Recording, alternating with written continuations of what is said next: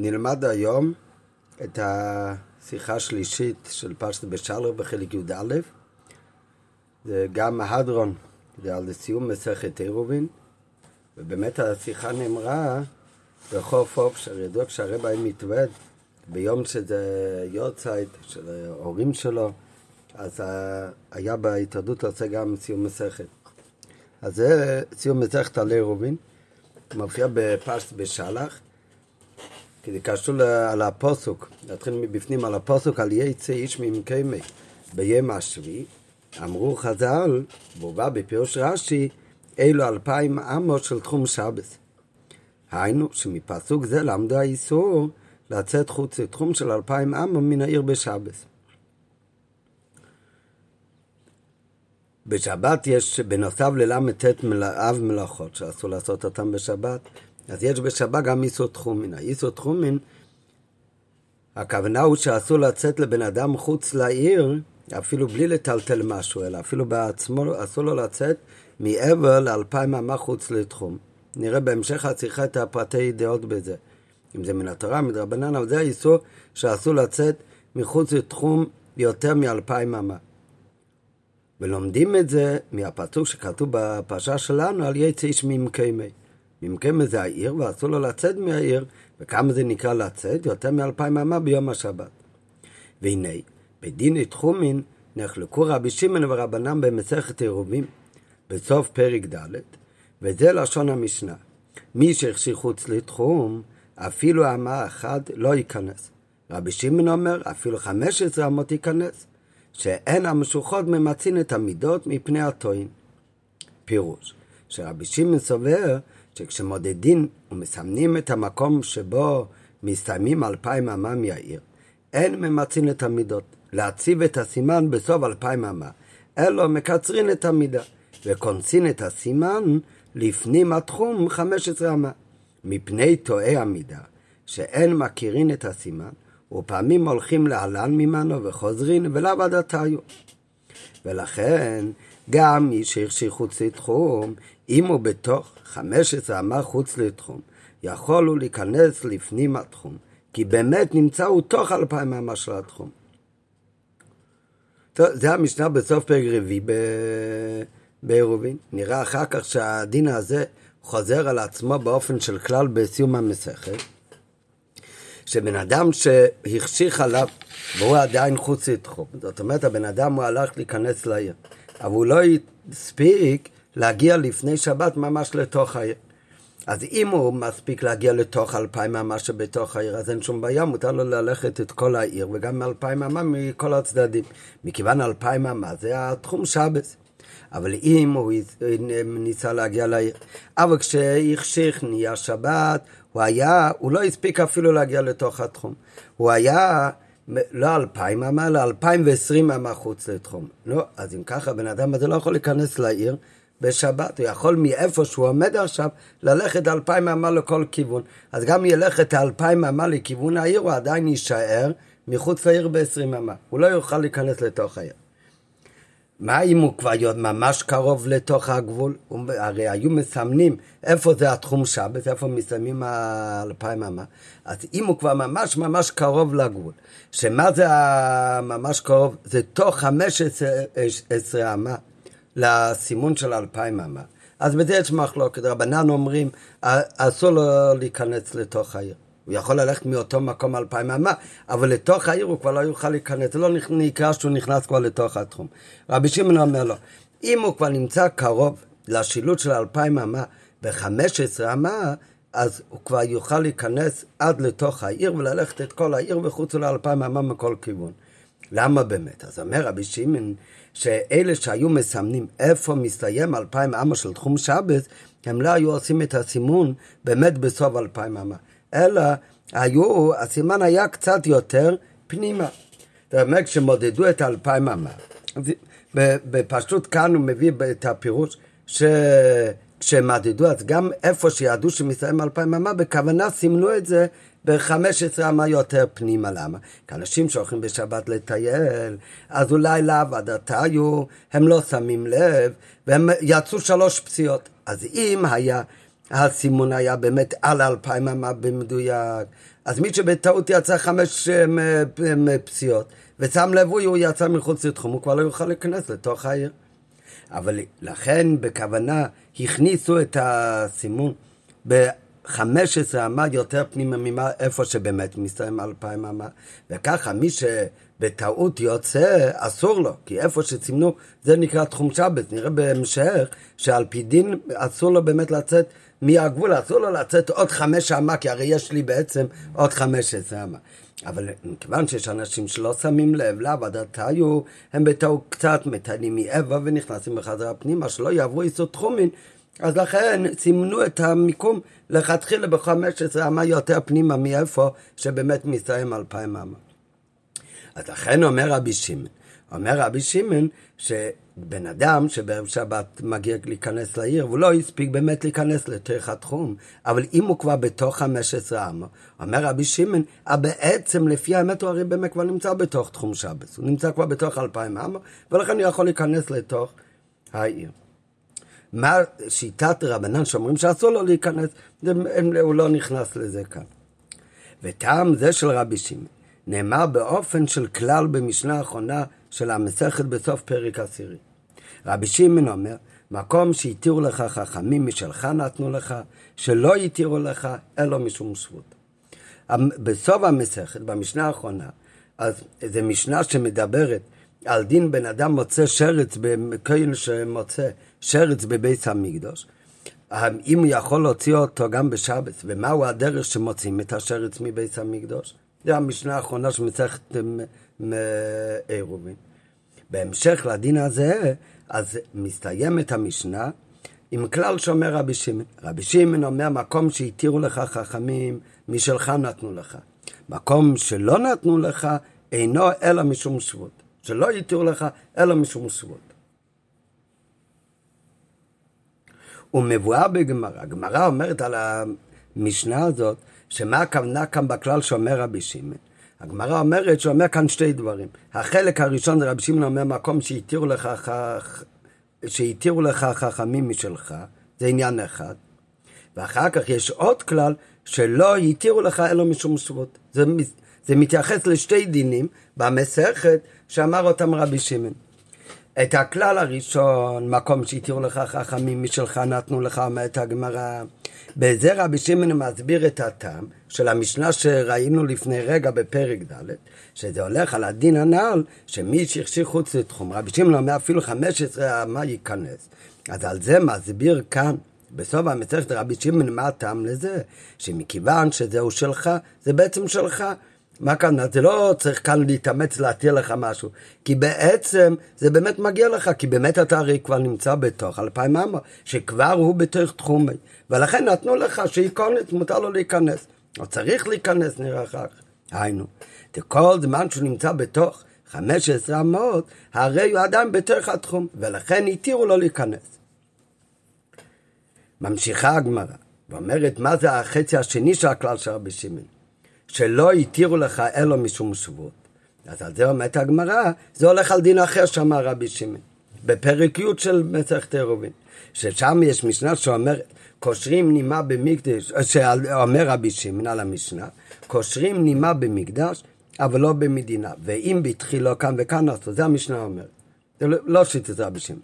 כתוב שבבית המקדוש מותר לקשור נימה, אבל חוץ לבית המקדוש, הכוונה במדינה, אסור לקשור נימה. ואם בתחילו, ואם זה מלכתחילה להכין את הכינור, כאן וכאן אסור. מה הכוונה קושרים נימה? אחד מכלי נגינה שהיה בבית המקדוש זה היה כינור, כדי לנגן על כינור, אז יש כמה נימים, ואם הנימה היא נקראה בשבת, אז כדי לנגן עם זה עכשיו בבית המקדוש, צריך הרי מחדש לחבר את הנימה. אז איך עושים את זה? אז אומרת המישהו, מותר אפילו לקשור את הנימה בבית המקדוש בשבת. אבל במדינה, ב- לא בבית המקדוש, אז אסור קשיר את זה אחד מל"ט, מלאכות. על זה, אם בתחילו, מה הכוונה בתחילו, אומרת המשנה? זה לא נקרא לו בשבת, זאת אומרת, אתה יכול בערב שבת להכין את, ה... את הכינור. אז באמת כאן וכאן לעשות. גם בבית המקדוש אסור לקשור את הנימה. ועל זה פוליג רבי שמעון, ועל זה מביאה הגמרא בברייתא את השיטה של רבי שמעון, ורבי שמעון אומר שלא, שאפילו בבית המקדוש, אם נקרא נימה אחת של הכינור, אסור לקשור אותה. ורבי שמעון אומר, במקום לקשור את הנימה, אז רק יעשה עניבה. שהמניבה זה לא יכול לבוא לידי יישום מן התורה. והברייתא שמביאה הגמרא אומרת שבן לוי שניסה כל אינימה בקינר, הם קוישו. רבי שמעון אומר עונבה. רבי שמעון אומר אסור לקשור גם בבית המקדוש, גם אם זה קרה בשבת, אלא רק יעשה עניבה. ותמו, מבאר במישנה בסיום המסך. ועל זה אומרת הגמרא, על זה מגיע עכשיו החצי השני של הכלל של רבי שמעון, שלא התירו לך לא משום שבוס. רבי שמעון אומר שגם דברים שהתירו בבית המקדוש, אז גם בבית המקדוש התירו רק שבוס במקדוש, אבל לא מלוכת דורייסה. היינו, כמבואר בגמור שם, אני ודלא יעשה לידי חיוב חרטו שור אלי רבנן. כשיר דעושה לידי חיוב חרטוס, אז זה לא שור אלי אז זה אומרת הגמרא, על הכלל שאומר רבי שמעון בסוף המסכת, שבמשנה האחרונה רבי שמעון לא מזכיר שום דין, רבי שמעון רק אומר, מקום שהתירו לך חכמים, משלך נתנו לך, שלא התירו לך, אין לו משום שבוס. אומרת הגמרא, יש כאן שתי פרטים במשפט הזה של רבי שמעון. פרט אחד זה איפה שחכמים התירו, כי זה שלך, ועל איזה דין זה הולך, שמותר להיכנס לעיר, אפילו אם החשיך, אם זה בתאריך 15 לאלפיים אמה. אז על זה בא הטעם שמכיוון שזה של חול, אתה בעצם כבר נמצא בתוך אלפיים אמה. אחר כך, החלק השני, שלא התירו לך אלו משום שבוס. זה הולך על דין אחר, בכלל כמה פרקים אחר כך, שאומר רבי שמעון גם כן, ששם הוא מחמיר, הוא אומר שגם בן לוי שנפסק לו בשבת את הנימה בכינור, אסור לו לקשור כמו שחכמים אומרים, אלא רבי שמעון אומר מותר רק לעשות עניבה. למה באמת? אז על זה מגיע החלק השני של הכלל של רבי שמעון, שלא התירו לך אלא משום שבוס. שמה שהתירו זה רק יסוד הרבונום במקדוש. אבל לא, זה בכלל דין שקשור לבית המקדוש, שהתירו רק שבוס במקדוש ולא עם מלאכם ממש. מה הקשר אבל בין שתי הדינים האלה של רבי שמעון? כשהוא אומר את זה בסוף המסכת, כהמשך אחד כלל, רבי שמעון אימה מוקים שהתירו לך חכמים משכונוס לך, שלא התירו לך אלא משום שבוס, סימן שלכאורה יש כאן איזשהו קשר בין שתי הדברים האלה.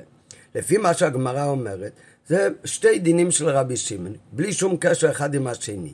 ובדין אחד הסיבה שהוא מתיר זה מכיוון משלחו נוסנו לכו, בדין אחר, אז שמה זה לגמרי אין לו שייכות לכאורה עם הדין הראשון, ששם רואים שרבונן אומרים מותר לקשור בנימה בבית המקדוש.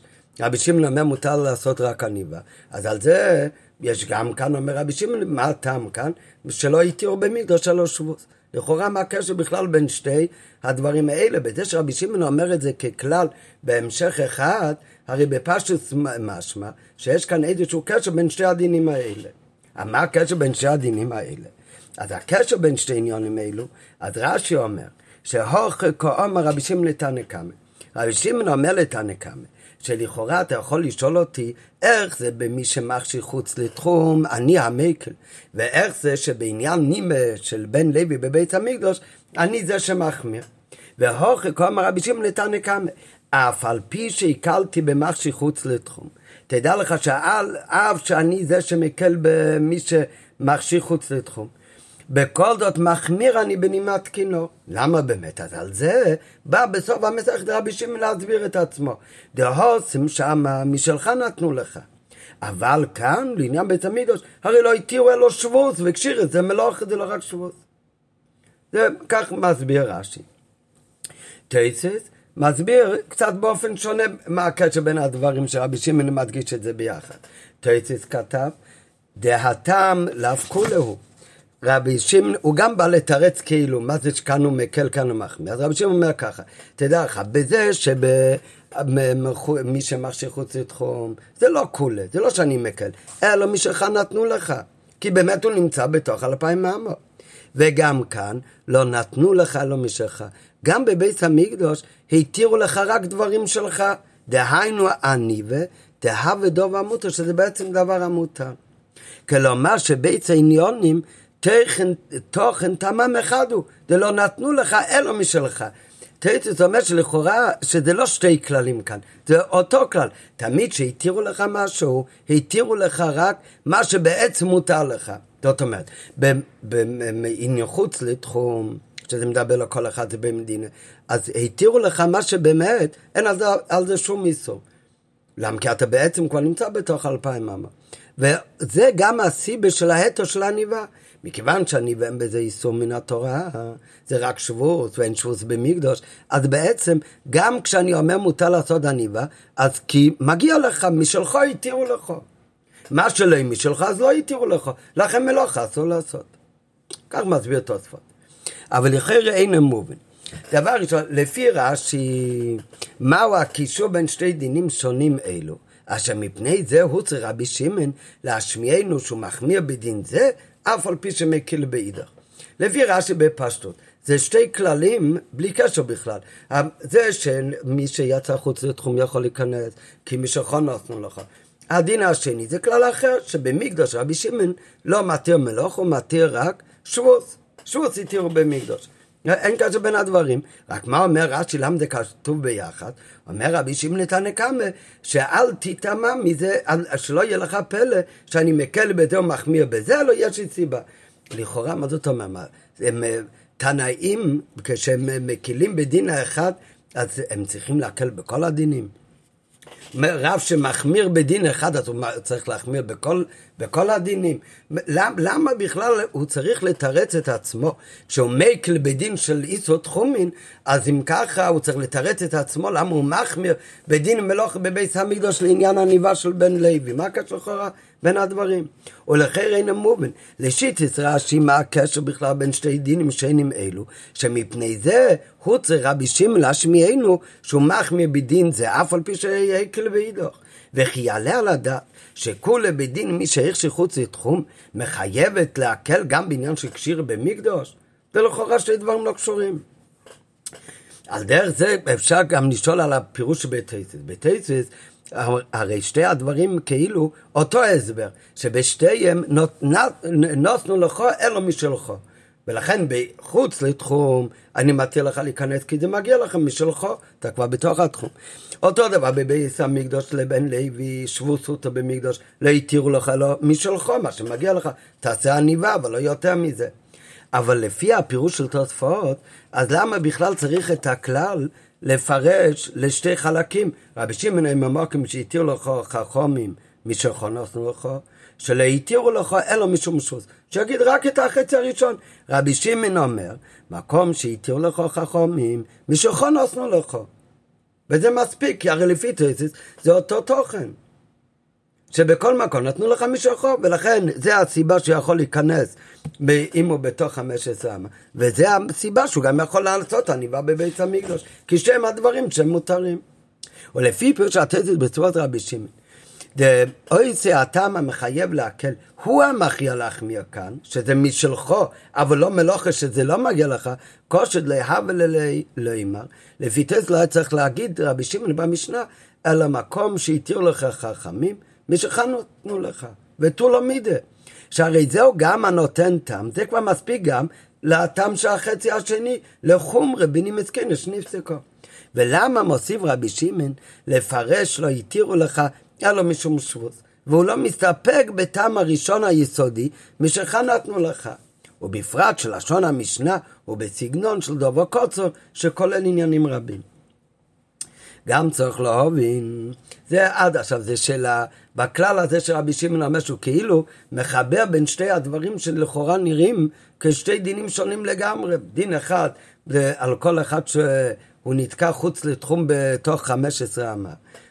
ועוד דין, בן לוי שנפסק לו הנימה בבית המקדוש, מה הוא דרך לתקן אותו, בעניבה או בקשירת? גם צריך להבין, דברי רבי שמעון אלו נזהרו כסיומה של משנה העוסקת בדין שרת שנמצא במקדוש. שלכאורה אין להם שייכות אליה. אמרנו מקודם, המשנה האחרונה על מה מדברת? שכהן נכנס בבית המקדוש בשבת, והוא רואה שם, הוא רואה שרת. אז מה הדרך אחי, אז אפילו בשבת, ששרץ לכאורה הוא מוקצה, אבל בבית המקדוש, בשביל להוציא טומא בבית המקדוש, מותר להוציא את השרץ גם בשבת. אבל מהו הדרך להוציא את השרץ מבית המקדוש? זה שאלה תמיד, לאו דווקא בשבת. מה, איך מוציאים את השרץ מבית המקדוש? אז על זה אומרת המשנה, נראה בהמשך את המשנה מבפנים, אז שיש בזה מחלוקת. האם להוציא את השרץ ממה שיש לכהן מוכן, מה יש לכהן מוכן כשהוא נכנס בבית המקדוש? עם מה הוא יכול להוציא את השרץ? עם ידיים לא יוציא, חבל שהכהן יהפוך לטמא. אז הוא צריך להוציא את זה עם משהו, שאז הכהן יישאר טהור. אבל עם מה הוא יוציא את זה? אז אופציה אחת זה להוציא את זה עם מה שיש עליו, הגרטל שלו. אחד מהבגדי הכהונה, הרי היה האבנט. הוא יוריד את האבנט, ועם זה הוא יוציא את השרץ. האפשרות השנייה זה, שילך לך, אבל מה אז קורה? שהכהן הוא נכנס טהור, אבל האבנט נהיה טמא. אז זה דעה אחת, שהוא יטמא את האבנט, העיקר שיוציא את השרץ מיד. הדעה השנייה, לא, שיצא, יחפש חתיכת עץ, או אפילו צבת של עץ, שזה דבר שלא מקבל טומאה, ועם זה יוציא את השרץ החוצה. אז זה המחלוקת במשנה האחרונה של מסכת עירובין.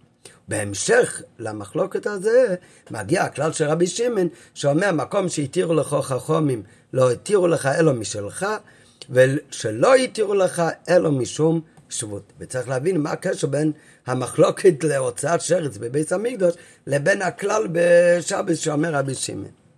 גם צריך לומר, דברי רבי שמעון אלו נזדרו כסיומה של משנה עוסקת בדין שרץ הנמצא במקדוש, שלכאורה אין להם שייכות אליה.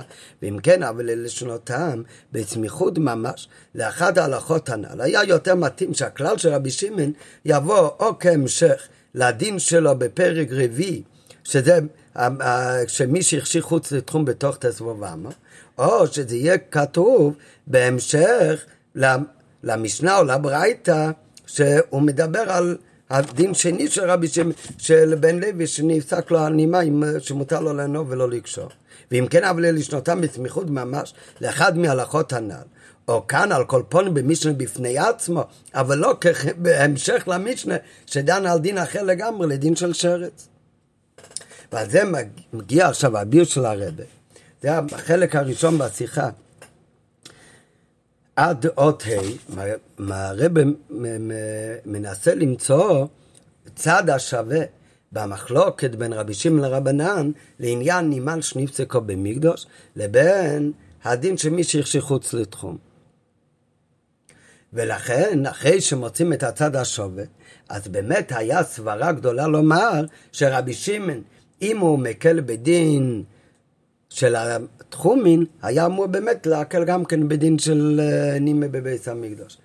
ועל זה מגיע רבי שמעון וכאילו מתרץ את עצמו ומסביר למה כאן אני מקל וכאן אני מחמיר. מה הצד השווה בין שתי הדינים האלה? אז כדי למצוא את הצד השווה בין שתי דינים האלה, אז הרב מקדים ומביא שכשרבי שמעון אומר במשנה בפרק רביעי, שמי שהכשיר חוץ לתחום, והוא נמצא כבר אבל בתוך טס וו ואמה, לתוך האלפיים אמה, לתוך התחום, לתוך הסימון. הלשון הוא, רבי שמעון אומר ייכנס. מה הכוונה ייכנס? מתירים לו בדיעבד? נראה בהמשך שלשיטת רבי שמעון זה לא רק אופציה שהוא יכול להיכנס, אלא ייכנס. זה משהו מהלשון שהוא צריך להיכנס לתוך התחום. למה באמת? כי יש עניין שהבן אדם דווקא יהיה בתוך התחום.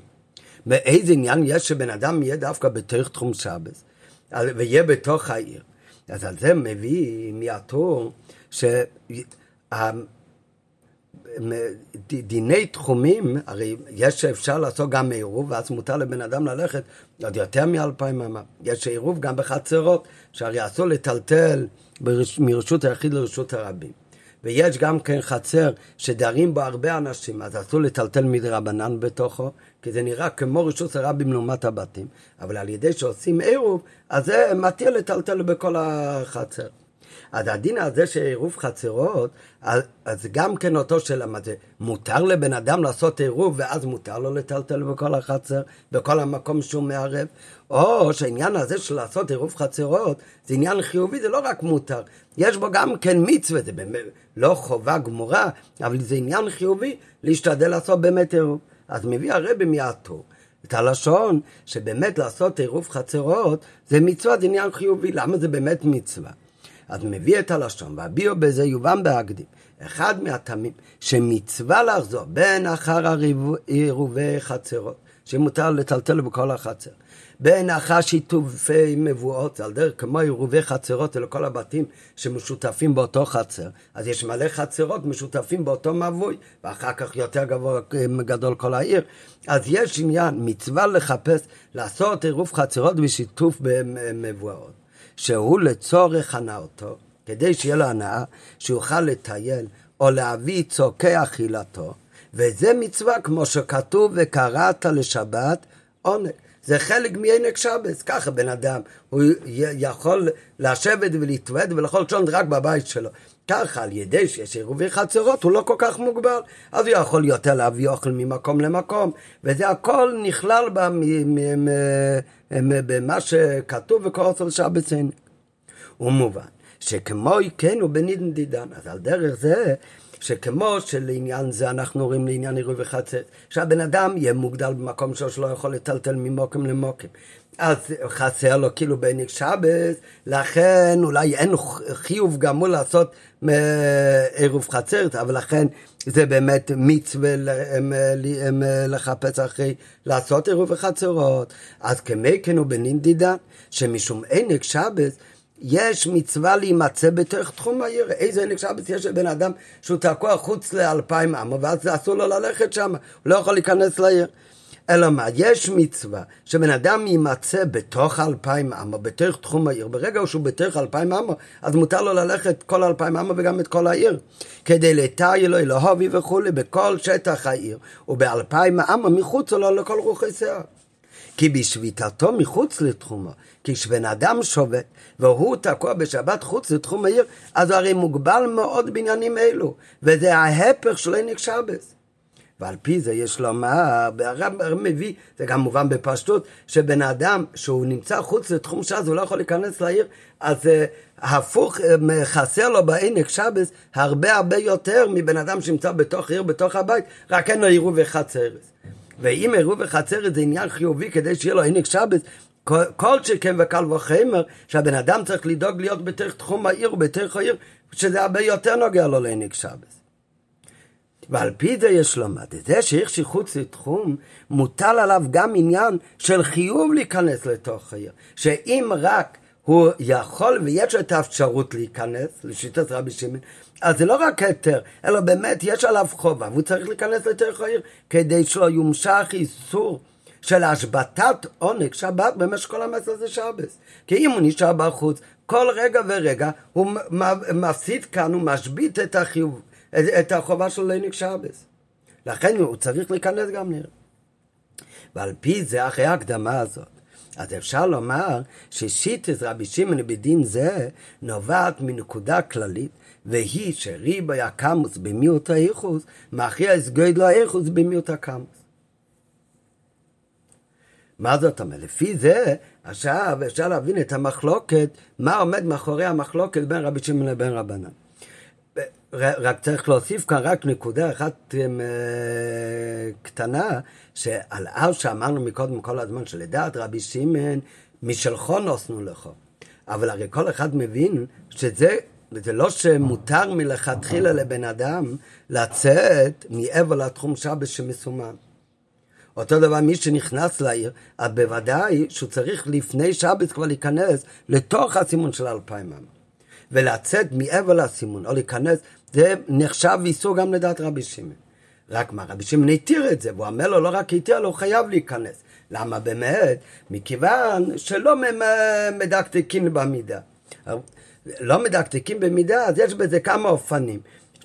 לא ניכנס כאן לכל ההערות והפירושים במשנה של רבי שמעון, אבל יש אומרים שהכוונה שבאמת תמיד הסימון הוא באמת תמיד 15 אמה לפני הסוף של אלפיים אמה. אבל יש אומרים שזה באמת לא בהכרח, זה, יש סבירות גדולה, ברוב הפעמים זה ככה, הרבה פעמים ככה, שזה, זאת אומרת שמלכתחילה בוודאי גם לרבי שמעון יש בזה איסור, רק מה, מכיוון שבדרך כלל לא אפילו תמיד, בפעיל ממש על ליבי דאמס הוא כבר בתוך התחום, לכן התירו לו את, את, את העניין הזה ואמרו לו שייכנס. לא רק שמות, הם, אה, שיכול להיכנס, אלא לפי מה שאמרנו עכשיו, שזה הרי נגיע לעינק שבת שלו, אז לא מותר לו להיכנס, אלא חייב להיכנס. על פי זה אפשר לומר, שמה המחלוקת כאן מרבנו לבין רבי שמעון? יש שאלה, בנוגע להרבה דינים, שאפשר להסתכל, מה דוחה את מה? האם דוחה יותר האיכות שלה, או שמה שחשוב יותר זה הכמות. הכמות והאיכות לא, לא כל פעם הם מתנגשים אחד בשני. אבל ניקח לדוגמה הדין שלנו, ואחר כך נראה את זה בהמשך גם בדין של העניבה. שכאן הכמות והאיכות זה יתנגש אחד לשני. כשהבן אדם יישאר כל שבת חוץ לתחום, אז בכמות כל רגע ורגע הבן אדם מבטל את המצווה של ענק שבת. יחסר לו בענק שבת כל רגע ורגע שהוא חוץ לתחום. מצד שני, הבן אדם לא עשה שום פעולה של איסור.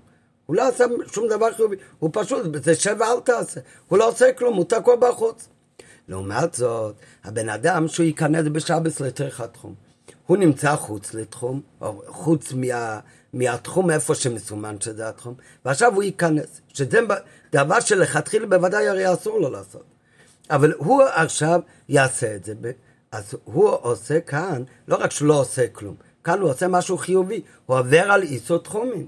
רק מה, מצד שני, הוא עובר את היסוד תחום, זה הרבה יותר חמור אולי, כי הוא עושה משהו בפעיל ממש, זה לא כמו אותו אחד שישב בחוץ כל השבת, זה שבע אל תעשה, הוא לא עושה כלום, הוא עושה פעולה, הוא נכנס לתוך התחום לא אמור להיכנס עכשיו, אבל כמה זמן, את הפעולה הזאת הוא עושה ברגע אחד, במעשה אחד, עכשיו הוא נכנס. אחרי שהוא כבר בפנים, אז באותו רגע שהוא נכנס, אז הוא כבר עבר על היסוד ונגמר.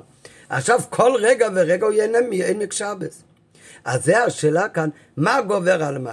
האם האיכות של האיסור, שהוא במעשה בפל ילך ויעשה פעולה שהיה אסור לו לעשות, ולכן אומרים לו זה יותר חמור, ולכן עדיף שיישאר בחוץ, וזה פחות חמור, הוא יבטל מצווה עמק שבס כל רגע ורגע. הכמות כאן באיסור היא הרבה יותר גדולה.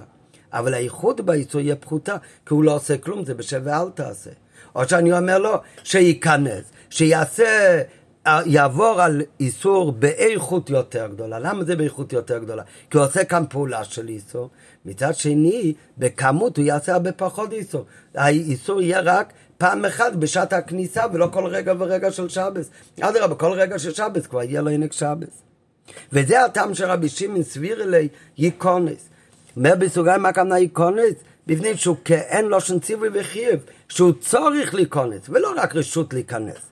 למה באמת? בכדי שלא ימשיך באיסורו, כדי שלא ימשיך האיסור של שביתת ענק שבת כל רגע ורגע. דאב שעל ידי שייכנס, יעבור איסור יציאה חוץ לתחום באופן של קום ועשה, הוא עושה פעולה של, אה, שאסור לו לעשות, וזה חמור יותר מאיסור השבתת עונג שבת. שזה על ידי שישאר במקום שביתתו, שזה רק בשב ואל תעשה. בכל זאת סובר רבי שמעון שייכנס, היות שבכניסה זו לתחומה של העיר אינו עושה איסור, אלא ברגע הכניסה. זה אולי יותר חמור, כי הוא עושה משהו בקום ועשה, אבל רק ברגע הכניסה. מה שאין כן בשהייתו חוץ לתחום. אז זה איסור יותר פחות נורא, כי הוא הרי לא עושה כלום, הוא פסיבי, הוא בשבע אל תעשה, אבל זה הרי האיסור נמשך בכל רגע ורגע שנמצא שם. ורבי שמעון סובר, ריבוי הכמות לדעתו של רבי שמעון מכריע את האיכות. לדעת רבי שמעון, יותר מסתכלים על ריבוי הכמוס, וזה מכריע את האיכות. ולכן צריך להיזהר יותר שלא יהיה כמות האיסור כל רגע ורגע, זה יותר חשוב לי משלא יהיה איכות האיסור בכניסה. ולכן אומר רבי שמעון שייכונס בפעם אחת, ובאותו רגע הוא עובר איסור, ואחר כך הוא כבר כל רגע ורגע, אבל לא יעבור איסור. לא, אז על פי זה, על פי כל ההסבר שאמרנו עכשיו, בנוגע לכניסה לתוך התחום, אז על פי זה עכשיו אפשר כבר להבין מה הקשר בין הדין הזה לבין הדין השני, שהוא מחבר בין שתיהם, וכאילו מתרץ למה כאן אני מקווה וכאן אני מחמיר, כי אותו שאלה הרי יש גם בנוגע לנימה של הבן לוי שנפסקה לו בבית המקדוש. אם הוא יעשה קשירה, בוודאי קשירה זה הרבה יותר חמור מלעשות עניבה. קשירה זה, או שזה ממש איסור דאורייסה, אם זה קשר של כיום, ואפילו אם הקשירה היא לא ממש קשר של כיום, יש בזה הרבה פרטים, אבל גם אם לא, זה יכול לבוא לידי איסור דאורייסה. יש לו, הוא לא נכנס לזה, בשביל זה צריך ללמוד את הסוגיה בעירובין. אבל האיסו קשיר זה איסו שהוא איסו דאורייסה באופן כללי. לעומת זאת, לעשות עניבה בענימה, אז זה רק איסו שבוס. אז בוודאי איסו שבוס זה הרבה יותר קל מאיסו חמור של אה, קשירה. מצד שני, הרי אחד מההבדלים, למה באמת איסו קשיר זה דאורייסה לבין עניבה. קשר של קיום זה יסוד דאורייתא. עניבה זה לא יסוד דאורייתא, עניבה זה לא יכול להיות של קיום. זה יותר מהנפתח. כשהבן לוי בכינור, הוא יעשה קשירה, הקשירה הזאת תחזיק לו כל השבת זה בטוח. כשהבן לוי הוא יעשה רק עניבה בענימה, אז העניבה הזאת היא תיפתח, ויעשה עוד פעם עניבה. היא תיפתח עוד פעם, יעשה עוד פעם עניבה. אז אחרי כאן יש את אותו שאלה. מה עדיף? שהבן לוי יעשה פעם אחת קשר בשבת. אבל זה יהיה רק פעם אחת, ועל ידי זה כל השבת לא יצטרך לעשות את הפעולה פעם שנייה. באיכות, אז זה אה, יותר חמור. בכמוס זה יספיק לו פעם אחת. אם הוא יעשה עניבה, אז באיכות זה באמת איסור הרבה יותר קל. אבל בקמוס, סביר להניח שבקמוס הוא יעבור הרבה יותר פעמים איסור. מכיוון שבאמת זה איסור קל יותר, אבל זה לא יספיק לו לעשות עניבה פעם אחת. כי הרי זה דבר שאין לו כיום בכלל, והוא יצטרך לענוב עוד פעם, עוד פעם, עוד פעם. אז לפי מה שאמרנו מקודם, שלדעת רבי שמעון מכריע, הכמות מכריע את האיכוס. אז היה אמור להיות שרבי שמעון דבר ראשון צריך לדאוג, שלא יאבד, בדיוק כמו שהמודק, שלא יאבד זמן את ההדר של אה, עונג שבת. ולכן אומרים לו, תעשה פעם אחת איסור חמור יותר בקום מעשה תיכנס, כדי שלא תצטרך הרבה זמן לעבור על איסור של עונג שבת. אז אותו דבר לכאורה היה מול רבי שמעון, לשיטתו שהריבוי הקמוס יותר חשוב, וזה מכריע את, ה... את האיכות. אז רבי שמעון לשיטתו היה אמור להגיד שהנימה שנחתכה לבן לוי צריך דווקא לקשור אותה. שאפילו שיעבור איסור חמור יותר באיכות, אבל הוא ינצל מזה מריבוי הקמוס באיסור. ואת השאלה הזאת בא רבי שמעון לתרץ. והנה על פי הנ"ל, שטעמו של רבי שמעון שסביר להיכנס ולפי שריבי הקמוס מכריע את האיכות. יובן הקישור שבין שתי הכללים שמה בטעם שתי הלכות. שהכלל מקום שהתירו לך חכמים שכון לא עשו לך. זה הכלל שמדבר על uh, תחום שבת, והכלל שלא התירו לך אלא משום שבוס. דהנה, בית האופנים בתיקון הכינור, אם נעשה על ידי קשירה עניבה, בכל אחד מהם יש חומש בזולתו. החומר בקשירה הוא דוס על ידי חיוב חט, זה חומר של איכות, זה איסור יותר חמור. מה שאין כן עניבה, שאין בזה אלא דרבנן, לפי שעלולה להינתק ואינה קשירה של כיום, לכן זה אסור רק מדרבנן. אמנם מצד זה עצמי, הרי יש גם חומרה בעניבה, כי מאחר שאינה עומדת להתקיים, אז הרי יצטרך מן הסתם לתקן את הכינור ולעונבו כמה פעמים. אז בכמה זה יבוא יותר. מה שאינו בקשירו של כיום, שאינו עובר על האיסור, אלא פעם אחת. ונמצא שגם פתרונה של שאלה זו להקינר, כושרה או ענווה, תלוי בהכרעה אם כמות עדיף או איחוד עדיף. ונמצא שלאחרי שרבי שמעון משמיענו, ששיטתו בדין המח שחוץ לתחום מיקונס, שהכמות מכרעת, הרי הסברה נותנת שגם בדינו של נימת כינור יצדת להתיר דווקא על ידי קשירה, שהיא מועטת בכמות, ולא על ידי עניבה בריבי הכמות סמכיות. ואת על כדאי תאחדו שולל רבי שמעון באומרו, שלא התירו לך אלא משום שבות. כלומר, אף על פי שהקלתי באיכות האיסור של תחומים, בכדי שלא לרבות בכמות האיסור, מכל מקום מחמיר אני באיכות של קשירה, ואיני מתירה בכדי למעט הכמות של הניבות.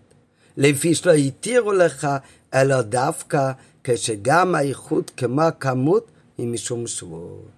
זאת אומרת, שכלל זה שהכמות מכריע את האיכות אינו אלא במקום ששתיהן שייכות לסוג אחד של איסור. שאו שתיהם מיסודי רייסה, או שתיהם מיסודי רבונון. מה שאין כן בתיקון הכינור, שאין בכוחו של ריבוי הכמות העניבה, שמדרבנן להכריע את האיכות של קשירה שעושה לידי דאורייתא. ואדרבה, האיכות של דאורייתא מכרעת את הכמות דרבנן. זאת אומרת, רבי שמעון אומר את הכלל שלו, שייכנס, ולמה באמת ייכנס כמו שלמדנו מקודם, מכיוון שהקמוס מכריע את הייחוס, ולכן עדיף שיעבור איסו חומו יסו. פעם אחת ממה שיעבור איסו כל רגע ורגע, אבל במה דברים אמורים שלא יתיר לך אלא משלך, אבל יתיר לך אלא משום שבוס, מה הכוונה? שגם האיכות של האיסור שהאיכות הוא יותר חמור, מתי הוא נדחה מפני הכמות, זה רק עם האיכות של החומרה, אבל הוא משום שבוס, הוא גם כן רק מדרבנון. כמו שמי שנכנס לתוך התחום, בפרט שהוא נמצא כבר בתוך החמש עשרה אמה של הסימון, אז שמה, למה יותר חמורה הכניסה? כי שם הוא עושה פעולה בקום מעשה. לעומת כשהוא נשאר בחוץ, הוא מבטל את עינק שבס, זה כל רגע ורגע, אבל זה פחות חמור, כי הוא לא עושה שום דבר בפה לממש, הוא לא עושה כל מעשה, זה רק בשבע אל תעשה. אבל שתיהם הם הרי באותו גדר, שתיהם הם רק מדרבנון. האיסור החד פעמי שהוא עובר, שהוא יותר חמור, הוא גם כן רק מדרבנון. לעומת זאת בבית המקדוש, נכון שיצטרך לעשות הרבה פעמים עניבה, לעומת זאת אם הוא יעשה את החמור יותר, אז הוא באמת, הוא הוא ירוויח את הכמות של האיסור. והוא רק יעבור יותר באיכוס האיסור, אבל זה רק בפעם אחת. אבל האיכוס של פעם אחת הוא לא משום שבוס. האיכוס של פעם אחת הוא יהיה איסור דורייסה. לעבור איסור דורייסה חמו יותר אפילו פעם אחת. אז כאן האיכוס הוא מכריע את הכמות של עשר פעמים לעשות עניבה שהוא רק דרבנון. מה שרבי שמעון אומר, שהקמוס מכריע את האיכוס, זה שתיהם באיסויסוק, שתיהם דורייסו, שתיהם דרבנון. אז בתחום, שם באמת אני אומר שאיקונס, שיעשה פעולה חיובית של איקונס, אפילו שזה חמור יותר, כדי שלא יעבור כל רגע ורגע על השבתת עונג שבס. כי הקמוס באמת מכריע את האיכוס. אבל שם שתיהם הם בגדר דרבנון. גם זה שהוא נכנס לתוך התחום, וגם זה שהוא מבטל עינק שבת זה גם דרבנון, שתיהם מדרבנון. אף על פי שלאחר אין נחשב בזה מדרייסה, אז באור הרב מביא שגם אם נגיד שבקורות על השבת ענק זה ממש מצווה מן התורה, אבל הרי המצווה מן התורה שלו נחשב בזה באכילה ושתייה, כך פירשו חכמים. כאן הרי מדובר שהבן אדם מחוץ לתחום, זה הדר ענק שבת, זה לא מדרייסה, הרי לא כתוב שאין לו שם אוכל לשבת, הוא יכול לעשות גם סעוד לשבת. חוץ לתחום אם יש לו אוכל. זה הדר ענק שבת מכיוון, מכיוון שהוא יהיה כל השבת חוץ לתחום, אז זה היה פחינק שבת, אבל זה לא עינק שבת שהוא מצווה דרייסה. על כל פעם שתיהם הם באותו סוג, שתיהם הם מדרבנון. מה שאין כן בעניבה וקשירה, שלעשות עניבה זה רק דרבנון וקשירה זה איסו דרייסה. אז כאן אומר רבי שמעון, כאן לא התרתי לך לעשות איסו חומר אחד כדי למנוע איסו הרבה יותר בקמוס, כשהאיסו בקמוס הוא רק דרבנון ואיסו באיכוס הוא יהיה דרייסה. ועל זה מביא עכשיו הרבה גם מהלוכה, מהשוכנו, מהאדמו הזקן, שכששתי האיסורים הם באותו סוג, אז אומרים באמת שהקמוס מכריע את האיכוס. אבל ברגע שהאיכוס זה יכול להיות אחד הוא איסו דרייסה, לעומת זאת הרבה פעמים הוא יעבור, אבל זה רק איסו דרבונון, אז באמת אומרים לו שיעבור הרבה פעמים איסו דרבונון, ולא יעבור אפילו פעם אחת איסו דרייסה. ועל זה נראה עכשיו בהמשך בפנים, וראיה לזה ממה שכותב רבנו הזוקם בשולחון, שהיה חולה שיש בו סכון, וצריך בשר שוחטין לו, ונאמרים נחלנו לו, שאיסו לאו, הנחלו לו שבש הוא איסו סקילה, לו איבה על כל גזייס וגזייס, מה שאין כמשחית אין איסו לאיסו אף על פי שהוא חומו. אבל אם הוא צריך להטיח לו יין, ימל ישראל ויוחם כוסי, כי אף על פי כן לא יהיה בי אלא איסו מדברי ספרי, מה כאן לשני? הרי מפורש שדווקא כמייסה של איסו דנבי לשודר רייסה, הרי הריבוי בי חמיר את פי מאיכות איסו סקילה של שחיתה בשבס, מה שאין כן באיסו של סתם יהיה למשדר רבנון, שגם איפנו בריבי הקמוס כאיסו איסו בכל שתיה ושתיה, מכריע איכות דוי רייסה, את ריבי הקמוס דרבנון. אז רבי אומר שכשבן אדם הוא חולה והוא צריך כזית בשר, אין כאן בשר כשר. אז יש כאן שתי אפשרויות. אפשרות אחת, שישחטו בשבץ בהמה ויביאו לו לאכול. האפשרות שנייה, להביא לו בינתיים, להביא לו לאכול אוכל לא כשר. לא, הוא לא צריך כדאי, סליחה, צריך הרבה כדאי, הוא צריך לאכול הרבה. אבל אין כאן אוכל אה, בשר כשר. אז או ששוחטים לו בשבת, או שמביאים לו אוכל לא כשר, מביאים לו נבלה. אז אומר אל תראה, שוחטים לו בהמה בשבת, כדאי, לש... צריך לשחוט לו בשבת, ולא מביאים לו נבלה. מה יותר, אה, איזה איסור יותר חמור? לשחוט בשבת זה מלאכה זה בשבת, זה איסור סקילה. כאן אולי יהיה חייב סקילה, זה מפיקוח נפש שהתירו, אבל מחומרס או איסור. בישול בשבת זה מלמד תצא מלאכה, זה איסור קוריס, זה איסור סקילה. לעומת זאת, לאכול נבלה זה לאו, מקבלים על זה מלכס. אז אכילס נבלה זה פחות חמור מלבשל בשבת ומלשחוט בשבת. בכל זאת, מה, אומר, מה אומרים? אומרים שישחוט בשבת, יבשל בשבת ויביא ליהודי לאכול, ולא יאכילנו לנבלה. למה באמת? זאת אומרת, תראה, כששוחטים לו בימי בשבת ומבשלים לו והוא אוכל, אז הוא עבר איסור בשחיתה, עבר עוד איסור בבישול, ואחר כך הוא אוכל עשרים כזית בשר קשור למהדרין. עבר איסור אחד או שתיים. לעומת זאת, כשמביאים לבן אדם נבלה לאכול, אז נכון, זה פחות חמור, אין כאן איסור סקילה, אלא זה רק איסור לאו. אבל הבן אדם, כל כזית נוסף שהוא אוכל, בכל כזית וכזית, הוא עובר עוד הפעם על איסור אה, דאורייסה. אז עדיף שיעבור איסור דאורייסה, אפילו חמור יותר, של חילול שבת פעם אחת, שחיתה בשבת, ולא יעבור עשרים פעמים איסו נבלה, כי בכל כדאי וכדאי עובר עוד הפעם על האיסו. זה הלכה אחת. אחר כך ממשיך אדמה זקן, עם אותו בן אדם שהוא חולה שיש בסקונה, הוא חייב לשתות יין שירתיחו לו. אז כאן, זה לכאורה אותו שאלה. אם יהודי ירתיח לו את היין, אז יהיה כאן איסור פעם אחת. איסור אחד של בישל בשבת, יתיחו לו את היין. אבל אחר כך כשהוא שותה, אין שום איסור, הוא שותה יין כושר למהדרין. גוי לא נגע בזה וגוי לא ירתיח את היין. לעומת זאת, אם גוי ירתיח לו את היין, הוא לא ינסח את היין לעבד אזור, חס וחלילה, הוא רק ירתיח לו את היין. היין הזה מקבל דין של סתם ינום. זה לא יין נס, זה סתם ינום. חכמים מהסוג יין שגוי נגע בו, יין שגוי בישל אותו. אז הגוי ירתיח את היין, אז הוא יעבור על איסור של סתם ינם. מתי יעבור על איסור? זה לא חד פעמי. באמת, איסור חד פעמי שמישהו בשבת הוא לא עבר, אבל כל רבית ורבית, או כל לגימה לגימה שהוא שותה מהיין, הוא עבר על איסור של סתם ינום. אומרת מדה כן, כאן מה אומרים לו? שהגוי ירתיח את היין. איך זה יכול להיות? הרי לפני רגע אמרנו, עדיף לעשות איסור חמור יותר פעם אחת, מי שבכל ביס ובכל כדאיס וכדאיס יעבור איסור נבלה. אם גם כן, גם ככה, היה אמור להיות שעדיף שפעם אחת יהודי יעבור על איסור בישול, אבל אחר כך כל שתייה ושתייה תהיה בהתר. אלא מה ההבדל בדיוק כמו שאמרנו מקודם, מתי אנחנו אומרים שהכמות מחיה את האיכות? שהם שתיהם מאותו סוג, שתיהם, נכון אחד יותר חמור ואחד יותר קל, אבל החמור והקל הם שתיהם, באותו סוג הם שתיהם דאורייסה. או ששתיהם, הקל והחמור, הם שתיהם דרבנון. אז זה, כשיש לנו אפשרות או לשחוט בשבת, או שיאכל נבלה, שתיהם הם איסורי דאורייסה, שחית יותר חמור באמת, אבל עדיף לעבור על החומו באיכוס ולהימנע מאיסור אכילס נבלה, שבקמוס הוא עובר הרבה יותר איסורים על כל גזייס וכזייס. אבל כשמגיע מצב שהחומו יהיה איסור דאורייסה, שיהודי יבשל בשבת, הקמוס יותר זה רק איסור דרבנון. סתם ינום.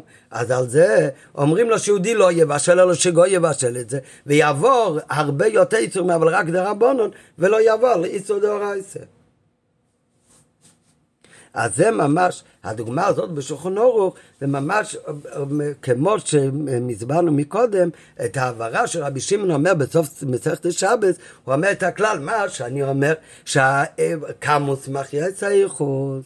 ומכיוון שהכמות זה יותר אה, נוגע, ולכן עדיף לא לעבור אפילו על איסור חומו ולהימנע בכמות איסורים, אבל במה דברים אמורים? זה רק ששתיהם יהיה איסור. כמו בתחומין, כמו במקרה של תחום. אבל בקשיר ונימה בבית המקדוש, שהם לא מאותו סוג, זה דרייסר וזה דרבנון, אז בוודאי שהאיכוס יכריע את הקמוס. לפי כל הביו הזה, אז עכשיו בהסדר זה אומר, ועל פי הנ"ל מום גם הטעם, שהפיסקה הזאת של רבי שמעון אימר, סודרה בסופה של המשנה ששייכת לרישה שמדברים איך להוציא את השרץ מהבית המקדוש. אמרנו מקודם, שמה ההבדל, מה המחלוקת איך להוציא את השרץ מבית המקדוש? או על ידי, או שמוציאים את השרץ מהבית המקדוש עם אחד מבגדי הכהונה שיש עליו אה, כרגע, אבל אז הבגד הזה, האבנט של הכהן יהיה טמא. או שיחפש צבא של עץ, שלא מקבל טומאה, ועם זה יוציא את השרץ. וגם כאן לכאורה, זה לא רבי שמעון, אבל גם כאן המחלוקת זה תלוי מה, מה מכריע האיכוס או הקמוס. אם אנחנו נוציא את זה מה... עם, עם, עם האבנר של הכהן, אז באיכות זה יותר גרוע, כי יש כאן אחד מביגדי כהונה שהופך להיות טמא. מצד שני, הטומא מיד תצא מבית המקדוש. ברגע שהכהן מוצא את השרץ, רגע אחד מיותר השרץ לא יהיה בבית המקדוש. אז בקמוס של הזמן, בקמוס, הוא, אז, אז לא יהיה כאן טומאה בכלל, הוא מיד מוציא אותה. באיכוס הוא טימא, אבל את אחד מבגדי הכהונה. לעומת זאת, אם הוא ילך לחפש צוות של עץ שאינו מקבל טומאה, אז באמת, בקמוס באמת, אז הרבה יותר זמן יהיה אשר זה בבית המקדוש. אבל מצד שני, הוא לא טימא שום דבר מבגדי קונה בבית המקדוש. ועל פי הנ"ל מובן גם הטעם שהפיסי רבי שמעון הימר בא בהמשך לדין של שרץ שנמצא במקדש ולא מישהו בפני עצמו כי גם תוכן של הרשת זה גם תלוי באותו שאלה האם קמוס, כאן הקמוס הכוונה בריבוי זמן מכריע או האיכות בגודל העניין עצמו מכריע וזה לא של המשנה שרץ שנמצא במקדש כהן מוציאו בהמיונו שלא להשהות את הטומאה, לא, שלא יהיה ריבוי זמן טומאה, שלא יהיה קמוס. דברי רבי יחנון בן ברקה, לפי מה שאמרנו מקודם, זה מתאים עם שיטת רבי שמעון. שהקמוס מכריע, ולכן לא אכפת לי אפילו שתטמא את, את, את האבנית של הכהן, העיקר שלא יהיה קמוס של זמן נטום מבית המקדש. רבי יהודה אומר, בצוות של עץ, שלא לרבס את הטומא, שלא יהיה ריבוי טומא לא רק בשעת, אלא גם באחד מבגדי כהונה. וסבורס פלוגתוסמי, מה הסובר שיהוי טומא, שזה הקמוס עדיף, ומה הסובר אושי טומא, זה האיכוס, זה עדיף, על זה צריך, את זה צריך למנוע. כאן ביור השיח והסום על, על פי נגלה. ומכאן ולהבא, עד סוף השיח הרב מסביר את הדין של רבי שמעון לעניין תחומין, על פי פנימיס עניון. הוא אומר, על פי זה יתווסף לנו עוד סברה ועוד ביור בדעת רבי שמעון. עוד תהיו לבד בדרך אפשר שייכות לשני הכלולים של רבי שמעון. וההבד לביניהם על פי פנימיס עניונים, ועל פי זה יסבר גם טעם נסף לזה. בזה שרבי שמעון סובר שבמקום שאפשר להתיר לו שייכנס בחזרה לתוך התחום, אז צריכים להתירו. כמו שכבר אמרנו מקודם, שזה לא רק אה, התר דחוק, אלא באמת צריך דווקא להשתדל להתיר לו שייכנס. אבל עכשיו יסביר את זה על פי פנים העניין. מבוא בכמה מקרים, שמלאכת היצא מרשוס לרשוס היא עיקרון של כל עולם מטס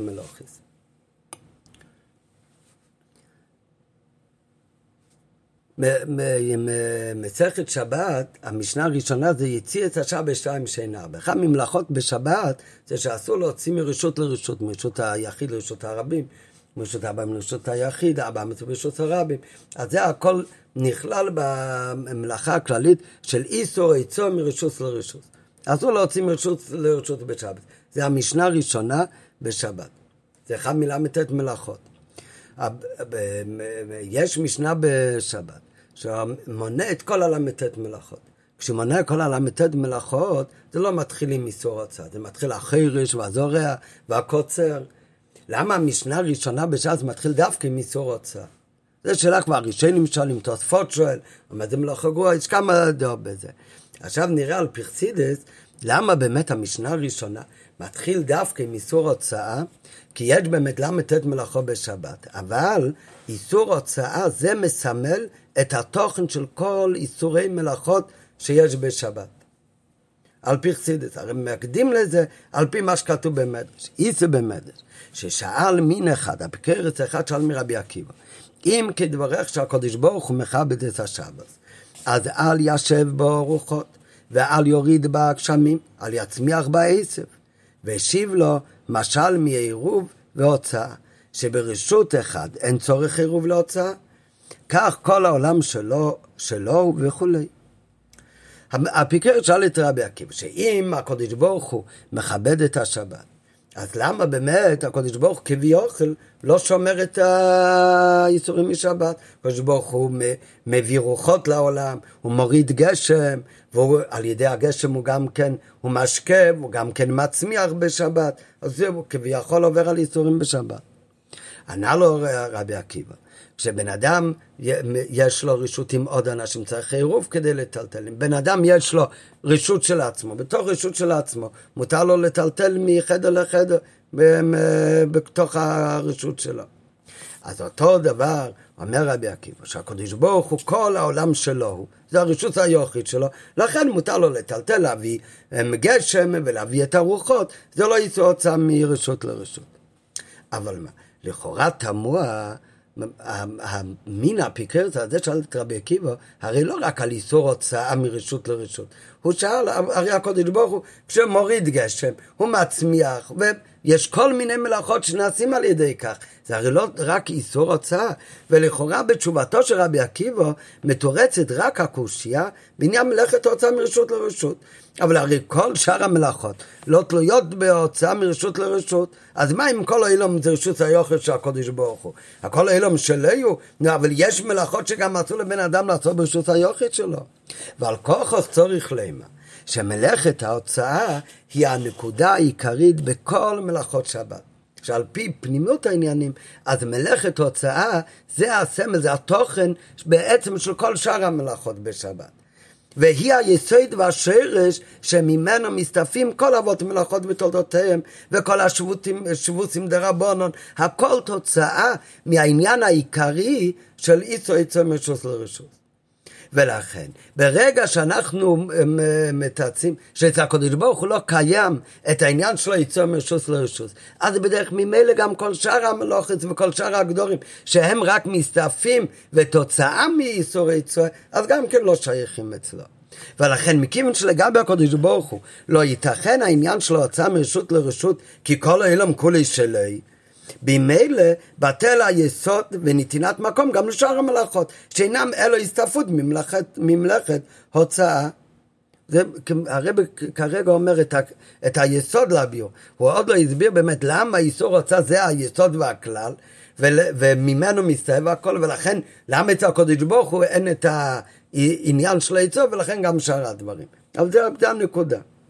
ובזה יש גם לבאר את הטעם לתחילתה של מסכת שבת מניעה מלאכת הוצאה.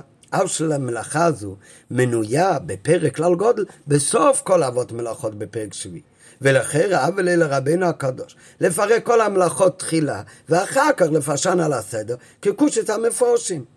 אלא לפי מה שאמרנו עכשיו, זה מובן, כי איצור איצור היא הנקודה העיקרית של כל הל"ט מלאכות. והביאו בזה עניון של שבס הוא, מה זה התוכן של שבס? ששבס הוא שבס להוויה.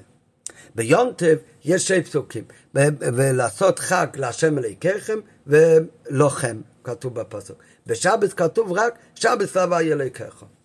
יום טב הוא חצי להוויה וחצי לוחם. על שבס זה כולל להוויה, היינו, שעניין מצוות השוויצה בשבס, מה התוכן של אה, שוויצה בשבס? זה הכל להוויה. הכל הקודש ברוך הוא. מה כאן הכל הקודש ברוך הוא? לקבוע, מביא כאן את הלשון, שהמקור זה מהחינוך, שהתוכן של שמירשה בזה, לקבוע בנפשותנו אמונת חידוש העולם. שיהודי מאמין שיש בעל הבית שהקודש ברוך הוא ברא את העולם. ולכן, כשיהודי שומר שבת, אז הוא בזה מעיד, כאילו, שהוא מאמין שהקודש ברוך הוא בששת יום ממות את השמיים ואת הארץ, והיום ביום השביעי. אז התוכן של שמיר השבת זה לקבוע בנפש אצלנו את האמונה בחידוש שלום על ידי הקודש ברוך הוא. שהוא יזבורך, ברא את העולם בששת ימי בראשית, או ביום השביעי שבת, שבת וינפש. ואשר כן הוא גם עכשיו. על פי, בפרט על פי מה שמוסבר בחסידס, שהקודש ברוך הוא זה לא פעם אחת בתחילת הבריאה ברא את העולם, אלא כל רגע ורגע הוא בורא את העולם תמיד מאין ליש, בששת ימי החל, ובשבס כתוב בחסידס, אז שבס מהדיבו דעשרה מאמרות. והמשכת החיות בשבת היא מבחינת מחשבה כמו בשבת בראשית. ובכן הרי הוא יתברך השליט היחיד בעולם, והוא כולו תחת רשותו והשגחתו הפרטית. אז זה מוסבר בחסידות עם הקדוש ברוך הוא, בכל רגע ורגע מהווה את השמיים ואת הארץ. אז מה קורה בשבת שהוא שבת ויהי נפש? אז זה בעשור ממוריס נברא אלם. אבל בשבת נמשך בעולם חיות למעלה מדיבו. כמו המחשוב שיותר נעלה מדיבו, אז ככה גם יכול להיות חיות העולם שנמשך על ידי הצמצום בדיבור, ויש את החיות בשבת, בשבת כל העולמות מתעלים לדאגה של מחשבתא יזבורך. זה לא, הם, הם, הם, זה צריך ללמוד במקומות אחרים, זה לא הנקודה כאן. אבל הנקודה כאן זה שעל ידי שיהודי הוא שבת בשבת, אז בזה הוא מדגיש שהקדוש ברוך הוא, הוא יזבורך, הוא השליט היחידי בעולם, וכל העולם בעצם היא תחת רשותו וברשותו של הקדוש ברוך הוא. זאת אומרת, הגם שהתהוות העולם, שהעולם איך שהיא נבראה, היא העולם עם מלושן הלם והסתר. באופן שיש מקום לטעות שבן אדם רואה את העולם, הוא יכול לחשוב שאין בעל הבית לבירו הזו. הוא לא רואה כאן את האור אלוקי שמהווה ומחיה את העולם. יהודי מסתובב בעולם, הוא לא רואה שיש בירה לבריאה הזאת. למה באמת? מכיוון שהעולם נברא לכתחילה מלושן הלם והסתר. זה היה באופן שנותן מקום לטעות שהעולם כמנהגו נוהג ואין חס וחלילה מנהיג יחידי לבירה. וזה הכוונה שמי שרואה את העולם, הוא יכול לטעות חס וחלילה שיש שתי רשויות. שתי רשויות חס ושלום בעולם. יש רשות של טוב וקדושה, וזה קשור לקדוש ברוך הוא. ויכול להיות רשות סורבים, רשות אחרת, וזה רשות של רב וטומא. אבל כשיהודי מקיים מצוות שביתה בשבת, ובזה הוא מדגיש ומגלה שכל העולם הוא תחת ממשלתו ונברא כל רגע ורגע מייסר הקודש ברוך הוא. אבל בזה נקבע האמונה והידיעה האמיתית שבעצם אין שתי רישוייס, יש רק כל העולם כולו עם כל מה שיש בעולם. גם הדברים שנראים כמו מנגדים ללוקות, בעצם אין שום דבר נפרד הרי מהקודש ברוך הוא, והכל הוא רק רשות אחסי, רשות היוכית ליחידו של עולם. מה זה רשות הרבים, מה הכוונה? שמה מודגש? שיש כאן רבים. יש הקודש ברוך ויש עוד דברים. מה זה רשות היוחד? רשות היוחד יש רק בעל הבית אחד. זה הכ... הכל הוא תחת ממשלה של הקודש ברוך הוא. ומכיוון שכן, הרי מובן שעשיית מלאכה בשבת גורמת. יהודי שהוא לא שומר שבת, שכל שמירי שבת זה להדגיש את האחדות של הקודש ברוך הוא בעולם, שהקודש ברוך הוא ברא את העולם, וכל העולם תחת ממשלתו. אז יהודי שהוא לא שומר שבת, ובזה הוא לא מעיד שהם, הם, את האמונה ביזבור שהוא ברא את העולם. אז כשיהודי עובר על מלאכה בשבת, אז דבר ראשון, אז זה גורם חלישות בעניין האמונה הנ"ל, באמונה הזאת שהיא נפעלת על ידי שמירי שבת. והדבר השני, זה מגביר את ההלם וההסתר, את ההלם ואת הטעות שיש בעולם, שיכול להיות שתי רשויות חס וחלילה. וזה עניין של הוצאה מרשות היחיד. יהודי צריך לשמוע שבת, תוכן של שבת זה רשות היחיד. כשבן אדם לא שומר שבת, הוא עובר על מלאכה בשבת, אז זה הוצאה מרשות היחיד לרשות הרבים. הוא יוצא מהאמונה שיש בעל הבית יחיד בעולם, והוא יוצא לת... והוא מחזק את רשות הרבים. הוא מחזק את הטעות שיכול להיות שתי רשויות בעולם. נמצא שנקודה עיקרית של כל הל"ס מלוכס היא בעצם בתוכן הפנימי שלה הוצאה מרשות היוחד. וזה הכוונה בתשובה של רבי עקיבא.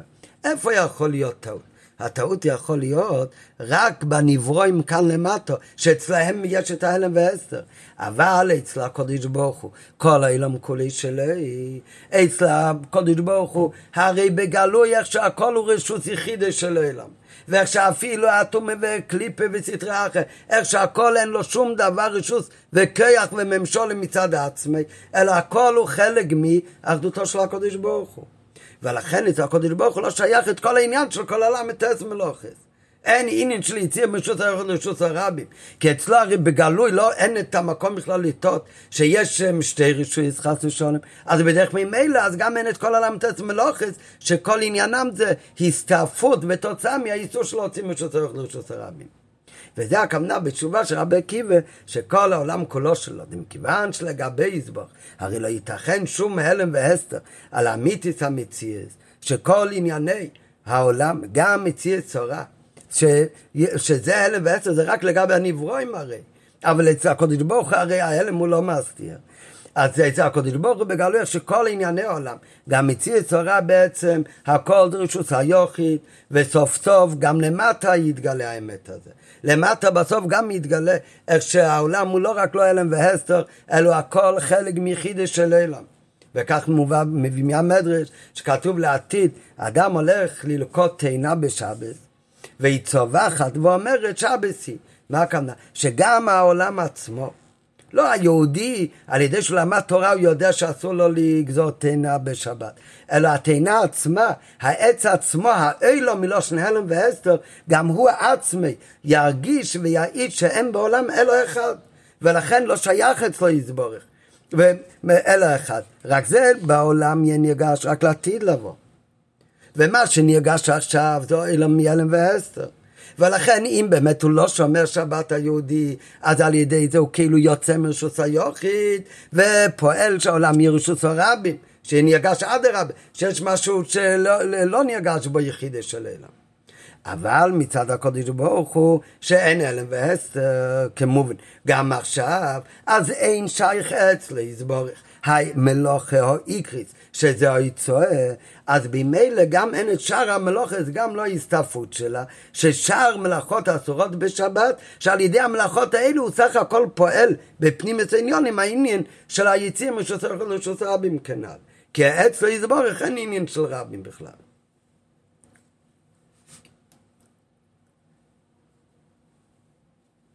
והנה, כל ענייני הבריאה נחלקים לגימל סוגים כללים, שהם נרמזים בשלושי סוגי רישויות שיש בשבת.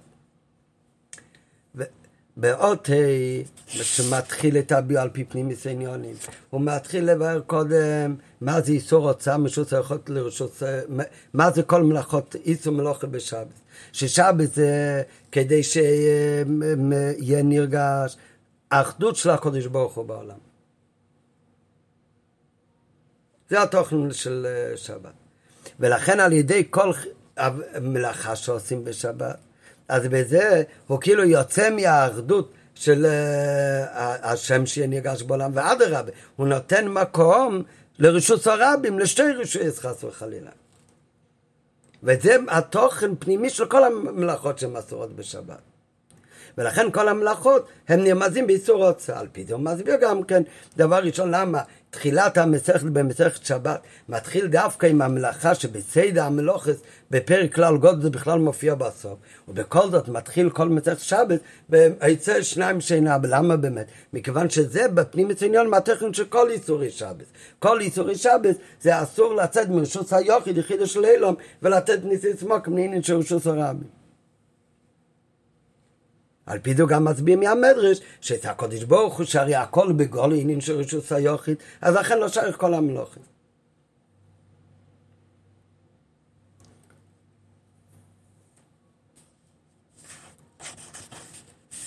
עכשיו באות ו' ממשיך הרבה, בלי...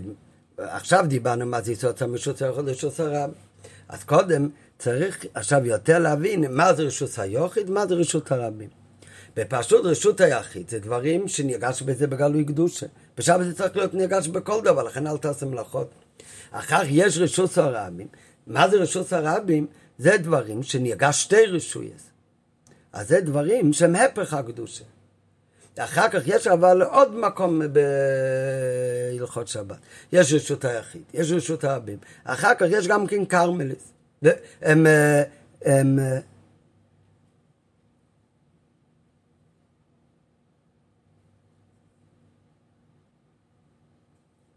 והנה כל ענייני הבריאה נחלקים לשלושה סוגים כלליים, שהם נרמזים בשלושה רשויות שיש בשבת.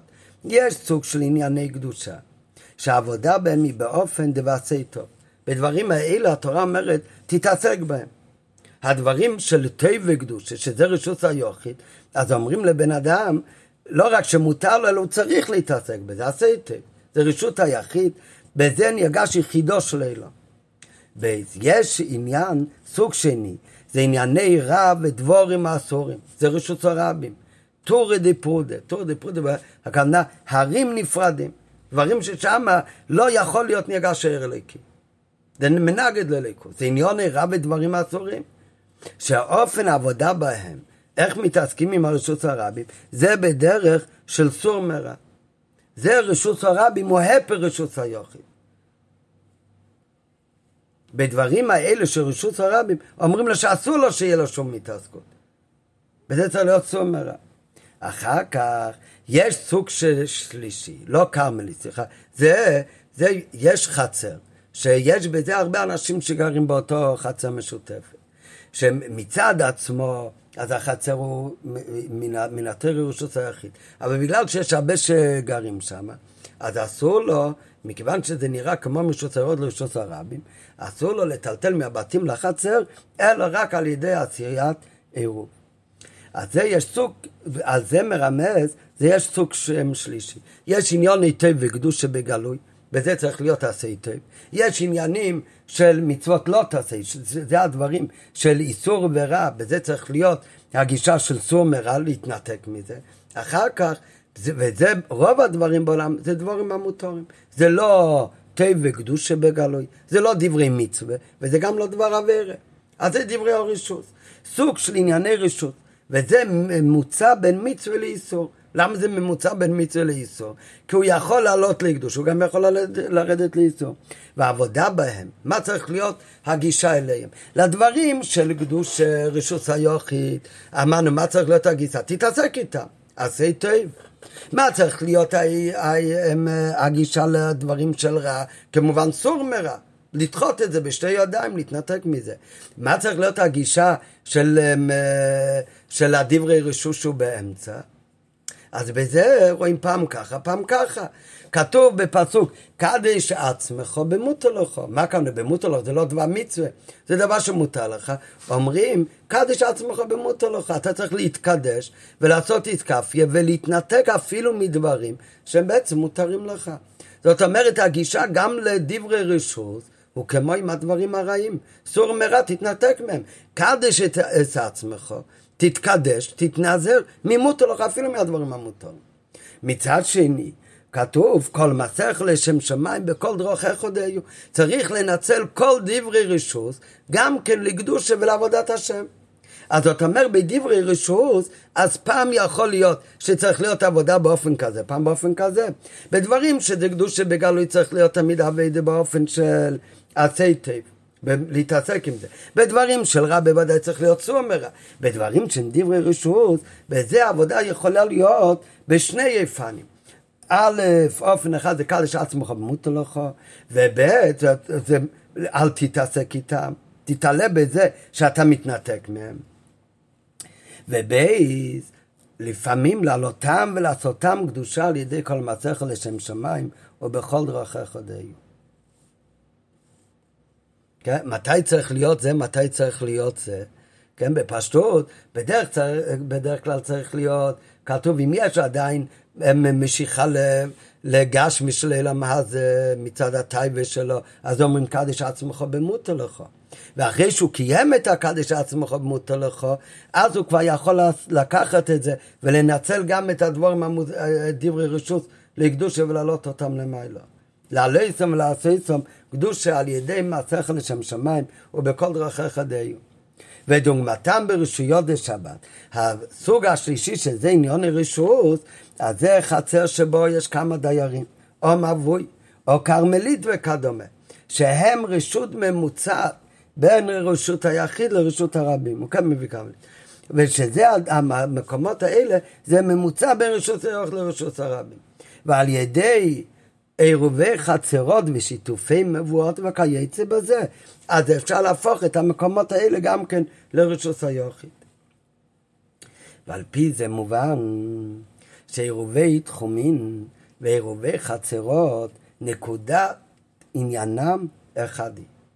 הגדלת רשות ותחום האיש הישראלי, שהרי היהודי זה רשות הקדושה, שמצד עצמה היא מצומצמת בכמותה, ועל ידי עבודת ועשיית העירוב, הרי מתגדלת ומתרחבת.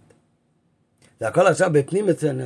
כמו שהבאנו מקודם, הוא הביא מעטות של לעשות עירוב וחצרת, זה לא רק איזה התו שיוכל לטלטל, זה מצווה, זה דבר חיובי לעשות. על דרך זה, זה גם כן, לפי זה יוצא עכשיו, אותו דבר גם כן בעירובי תחומין. שבמקום שילך רק עד אלפיים עמי, יכול ללכת ממוקם שני אחרי עירוב עוד.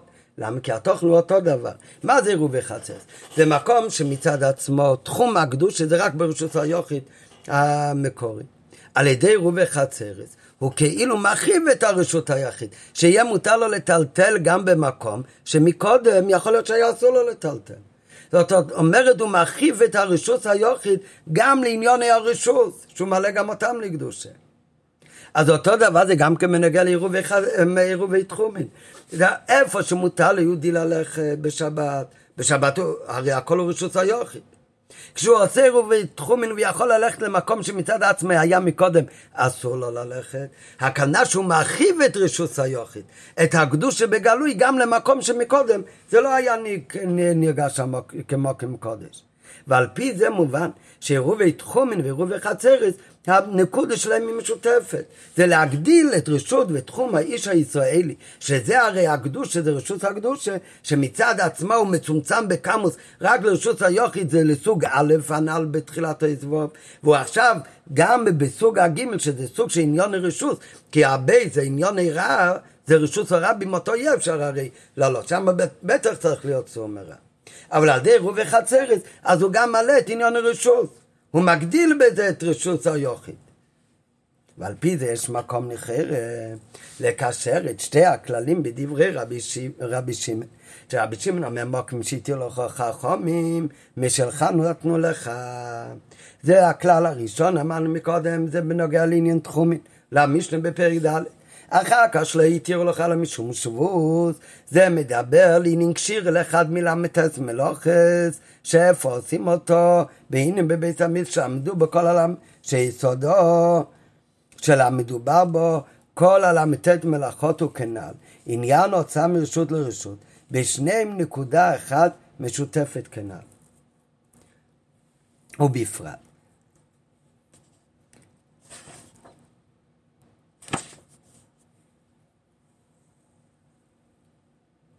כי הצד השווה בין תחומין ושבות מתבטא גם בכמות ואיכות החילוקי דינו. זאת אומרת, כמו שאמר מקודם, על פי הטכן פנימי של, הם, הם, של איסור ההוצאה, הטכן פנימי של המצווה של עירוב וחצרת, זה אותו עניין בטכן פנימי של עירובי תחומין. אז אם ככה, לכאורה, גם היציע, האיסור תחומין, זה מתאים ודומה לאיסור של היצוא מרשות לרשות. מקודם הוא הרי אמר שאיסור ההוצאה מרשות לרשות זה היסוד והתוכן פנימי של כל המתס מלוכס. איסור היצוא חוץ לתחום זה לא מהלמתס מלוכס. אבל אחרי שהבנו מקודם ששתיהם נקודה משותפת, גם איסור היצוא לעירובי חצרוס. לעירובי תחומין, שם נקודה משותף שמגדילים את רשות היוחיד. אז אם ככה, היינו יכולים לחשוב שגם איסורי צועה זה מקביל ודומה שאיסורי צועה הוא גם הכלל של כל המטס מלוכס בפנים עניונים, אז זה גם כמקביל ונקודה משותפת עם איסור יציר חוץ לתחום. ככה היינו יכולים לחשוב.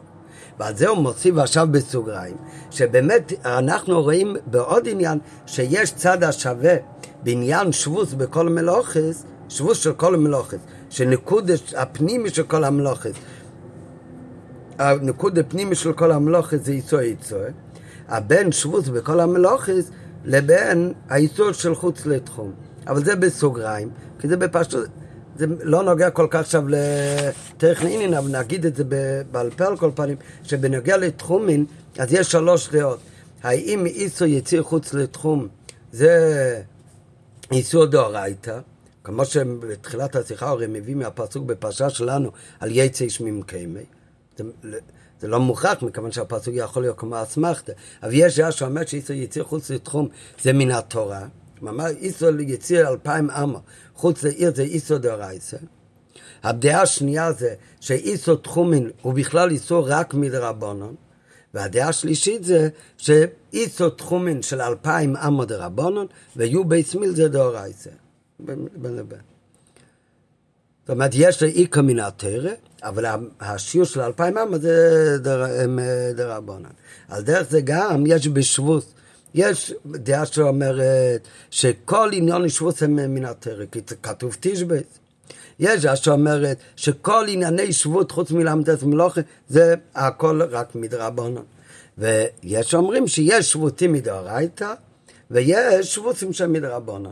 לא, זה מקביל, זה על דרך בעניין של uh, תחומין, שיש דעה שאומרת שהכל מדרייתא, יש שאומרת, דעה שאומרת שהכל מדרבנון, יש דעה שאומרת שיש תחומין דאורייתא זה יהיו בית מילי, ויש um, מדרבנון שזה אלפיים אמה. על כל פנים, מה שהוא רוצה להגיד, שעל פי כל הקדומים שלמדנו עד עכשיו, אז בפרשי זה הנקודה הפנימית של כל מלוכס. ואנחנו כבר מצאנו עכשיו גם משותף בין עירוב וחצרץ להתיר את היצוא בחוצר, לבין התוכן של עירובי תחומים. אז בפרשת גם היצוא יציץ חוץ לתחום, על אף שהוא לא חלק מלמתס מלוכס, גם הוא חלק, אותו תוכן כמו ייצורי צוער. ועל זה הוא ממשיך עכשיו בע"ז, שזה לא ככה.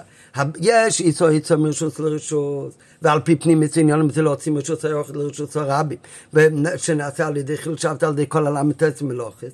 אחר כך יש איסור תחומין, ואם הוא לא עושה עירוב תחומין והוא יוצא חוץ לתחום, התוכן בין שתי הדברים האלה, אז בפנימיוסום, הם, יש שייכות ביניהם, אבל בפנימיוסום הם לא זהים. למה באמת לא? אז מקודם נגיד בעל פה ואחר כך נראה את זה בפנים. מה אמר מקודם? שבשבת מה צריך להיות ניגש את כל יהודי רשות היוחיד יחיד של עולם. על ידי שיהודי עושה מלאכה בשבת. כשיהודי עושה מלאכה בשבת, מלאכה שאסור בשבת, אבל, אז כאן, מה הוא עושה? הוא אומר שתי דברים. הוא גם כן מחליש אצלו את האמונה של היחיד של עולם, והוא גם כן בזה מגביר את ההלם ואת התור שלו אילום, והוא נותן לצינס מוקם לשתי רשויות. הוא עושה רשות הרבים. וזה הפירוש של חילול שבת, שבמקום שנרגש עכשיו הרשות היוכית, הקדוש, אז במקום זה כשיהודי עושה מלוכה בשבת, כל אחד מלמד את מלוכת, הוא כאילו מקלקל את הקדושה. הוא מחלל שבת, הוא עושה מוקם חולול בקדושת השבת. הוא מכניס את החולין, הוא מכניס את הרע, את הרשות הרבים, לתוך הקדוש השבס. כשיהודי יוצא חוץ לתחום, אז זה בדיוק הפוך. יהודי יוצא חוץ לתחום, התחום זה רשות היוחיד, זה מקום של קדושה. והיהודי עצמו, אז הוא אמר מקודם, הביא כבר מאותה קודם, ש... היהודי, איפה שהוא עצמו, הוא הרשות היוחד, שם הוא הקדושה. אז כשיהודי יוצא חוץ לתחום, שזה אסור, אבל מה קורה כאן? כשיהודי יוצא חוץ לתחום, הוא הרי לא עשה מלאכה. רק הוא יצא ממקומו למקום שהוא לא אמור להיות. אז זאת אומרת שאת הקדושה הוא הוציא למקום לאיפה שהיא לא אמורה להיות. זה בדיוק הפוך. על ידי מלוך, אז מה הוא עשה? אז הוא חילל את הקדושה. לעומת זאת, כשהוא יוצא מחוץ אה, לתחום, אז זה בדיוק הפוך. זה לא שהוא מכניס את הקליפה לתוך הקדוש, אה, אלא כשהוא יוצא חוץ לתחום, הוא כאילו מעביר את הקדוש אה, לתוך מוקם הקליפס. וכל רגע שהוא נשאר חוץ לתחום, אז הקדושה נשארת במוקם הקליפס. אז אומר לו רבי שמעון ייכנס, הוא חייב להיכנס. שלא יישאר עוד רגע אחד הקדושה של האיש הישראלי. הוא הרי הקדושה במקום הקליפה שזה חוץ לתחום. כשיהודי עובר ייצור אחד מל"ט מלוכס, אז הוא ממשיך את הקליפה על ידי, על ידי המלוכה לתוך מקום הקדושה. כשהיהודי הוא יוצא חוץ לתחום, אז זה בדיוק הפוך בפנים מצניונים. הוא מוציא את הקדושה לתוך מקום הקליפס. נראה שבפנים, אמנם באמת, חילוק גדול בין איסור תחומין ואיסור מלאכה שבס. ועד שהם גם הופכים זה מזה. האיסור של מלאכה בשבס עניון הוא שבעשיית מלאכה הוא מחלל את השבס. הוא עושה חול ומוקים פוני בשבס, ובמילא מתחלל לקדושתה. היינו שעל ידי מלאכה בשבת, הוא מכניס בה עניין בלתי רצוי, מכניס קליפה בשבת. זה יסוד היציאה חוץ. לעומת זאת, ביסוד יציאה חוץ לתחום, הולך משום קליפה לתוך קדושת שבת. אין זה שהוא מכניס עניין של חול בשבת, אלא אדרבה, הוא מוציא את השבת למקום הקליפות. כי בכל איש מבני ישראל, גם בבור ועם האורץ, מאיר אור קדושת שבת, וכשהוא יוצא חוץ לתחום. למה אסור לו לצאת חוץ לתחום? כי זה בפנים עניון עם מקום שהוא חוץ לתחום של קדושה, אז הוא מוציא עמו גם מקדושת השבת למקום הקליפות. ומכיוון שכן הרי מובן שאיסורה של הוצאה חוץ לתחום נמשך כל זמן שהייתו שם. היינו, שהאיסור יציאה זה לא איסור חד פעמי כשהוא חוץ לתחום. כל רגע ורגע שהוא חוץ לתחום, היינו שהאיסור יציאה חוץ לתחום אינה מצד פעולת היציאת עצמה. כי אם מצד התוצאה שנעשית על ידי זה, הבעיה הוא בזה שהוא נמצא חוץ לתחום, במקום שהוא אסור וקשור בידי הקליפות. בכל המלאכות, האיסור זה עצם הפעולה של המלאכה. כי על ידי הפעולות האלה הוא מחלל לקדושת שבת. הוא עושה מוקים פוני וחולות בקדושת שבת, הוא מכניס לשבת קליפה על ידי עצם הפעולה. כשבן אדם יוצא חוץ לתחום, אז על פי פנימות העניינים, הוא מביא בהערות מספרי קבלה, שהמקום של חוץ לתחום זה כאילו מוקם מהקליפס, וכשיהודי יוצא מחוץ לתחום, אז הוא כאילו מושך איתו את קדושת השבת למקום שהוא במוקם מהקליפס. אז כאן מהו האיסור? זה לא הפעולה של היציאה, אלא זה התוצאה, זה להיות שמה. כל רגע ורגע שהוא שמה, אז כל רגע שהוא נמצא במקום שהוא יצא חוץ לתחום, אז בזה עצמו, אז היסוד זה ההימצאות חוץ לתחום.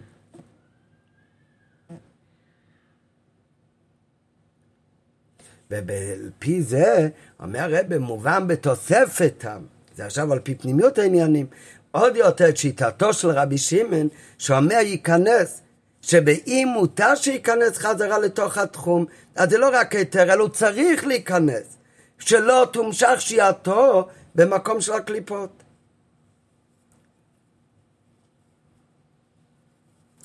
רק לפני שנמשיך בהוראה בעבודת השם, אז יש כאן הם, אה, סוגריים. מה אומר הרב? הרב אומר שיש הבדל בתוכן הפנימי בין איסורים לאכול בשבת לבין איסור יציאה חוץ לתחום בשבת.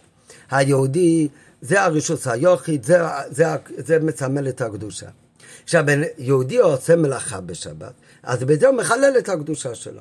כשיהודי יוצא חוץ לתחום, הוא הרי לא עשה שום מלאכה אסורה, הוא רק יצא למקום אחר. אז כאן זה בדיוק הפוך, זה לא שהוא הכניס את הקליפה לקדושת שבת, אלא הוא הוציא את השבת, את הקדושה, למקום ש... שהיא לא אמורה להיות. הוא הכניס את השבת למקום הקליפות. ולכן כל רגע זה לא רק הפעולה היא הבעייתית כמו במלאכה, אלא אחרי שהוא כבר עשה את הפעולה, והוא כבר חוץ לתחום, כל רגע ורגע יש כאן את הבעיה. עצם הימצאות חוץ לתחום, אז זה הבעיה. ולכן באם רק אפשר להתיר לו להיכנס, או אומר מיד רבי שמעון ייכנס, הוא חייב להיכנס. זה רב לא מסביר כאן עכשיו איך זה בנוגע לעניבה שהם, שהם, שהם של הכינור. כאן הרי מסביר על פי פנים מצוינים, אבל יכול להיות שזה, לפי זה גם בפנים מצוינים, אפילו יעשה עניבה כמה וכמה פעמים בשבת. אז כל פעם עניבה, אז זה פחות גם בקדושת שבת. כי זה הרי רק מדרבונה, לא מדרציה, כמו שאמרנו מקודם. כשהבן אדם אבל נמצא חוץ לתחום ולא ייתנו לו להיכנס, אז הרי בכל רגע ורגע, זה לא בפעולה חד פעמית, אלא כל רגע ורגע הוא כאילו מחלל לקדושת ש... קדוש שבת על ידי שהוא הכניס את השבת לתוך המוקים הקליפס. אבל על כל פנים, מזה שלכאורה אפשר לשאול מה כל כך הבעיה בזה, אז אדרבה. מילא שבן אדם אסור לו לעשות מלאכה בשבת, אז זה מאוד מובן, שהיהודי זה קדוש זה קשור לרשות היוחד, הוא עושה מלאכת שאסור לעשות בשבת, אבל בזה הוא פוגם את הקדושה של שבת, הוא מכניס קליפ למקום הקדושה. אבל כשבן אדם יוצא חוץ לתחום, הבן אדם זה הרי הקדושה, אז הוא יוצא חוץ לתחום, באמת לא עשה עירוב, כי אם עשה עירוב, אדרבה, אמרנו מקודם, בזה הוא מגדיל את תחום הקדושה. אבל הוא לא הגדיל את תחום הקדושה, אבל הוא יוצא החוצה, אז אולי אדרבה. אדרבה, הוא, הוא, הוא משרה את הקדושה שבת אפילו במקום הקליפס. מה רע בזה? ולא רק מה רע בזה, אלא אנחנו רואים דבר מאוד דומה, שלא רק שאומרים מה רע בזה, אלא אומרים שכך צריך להיות.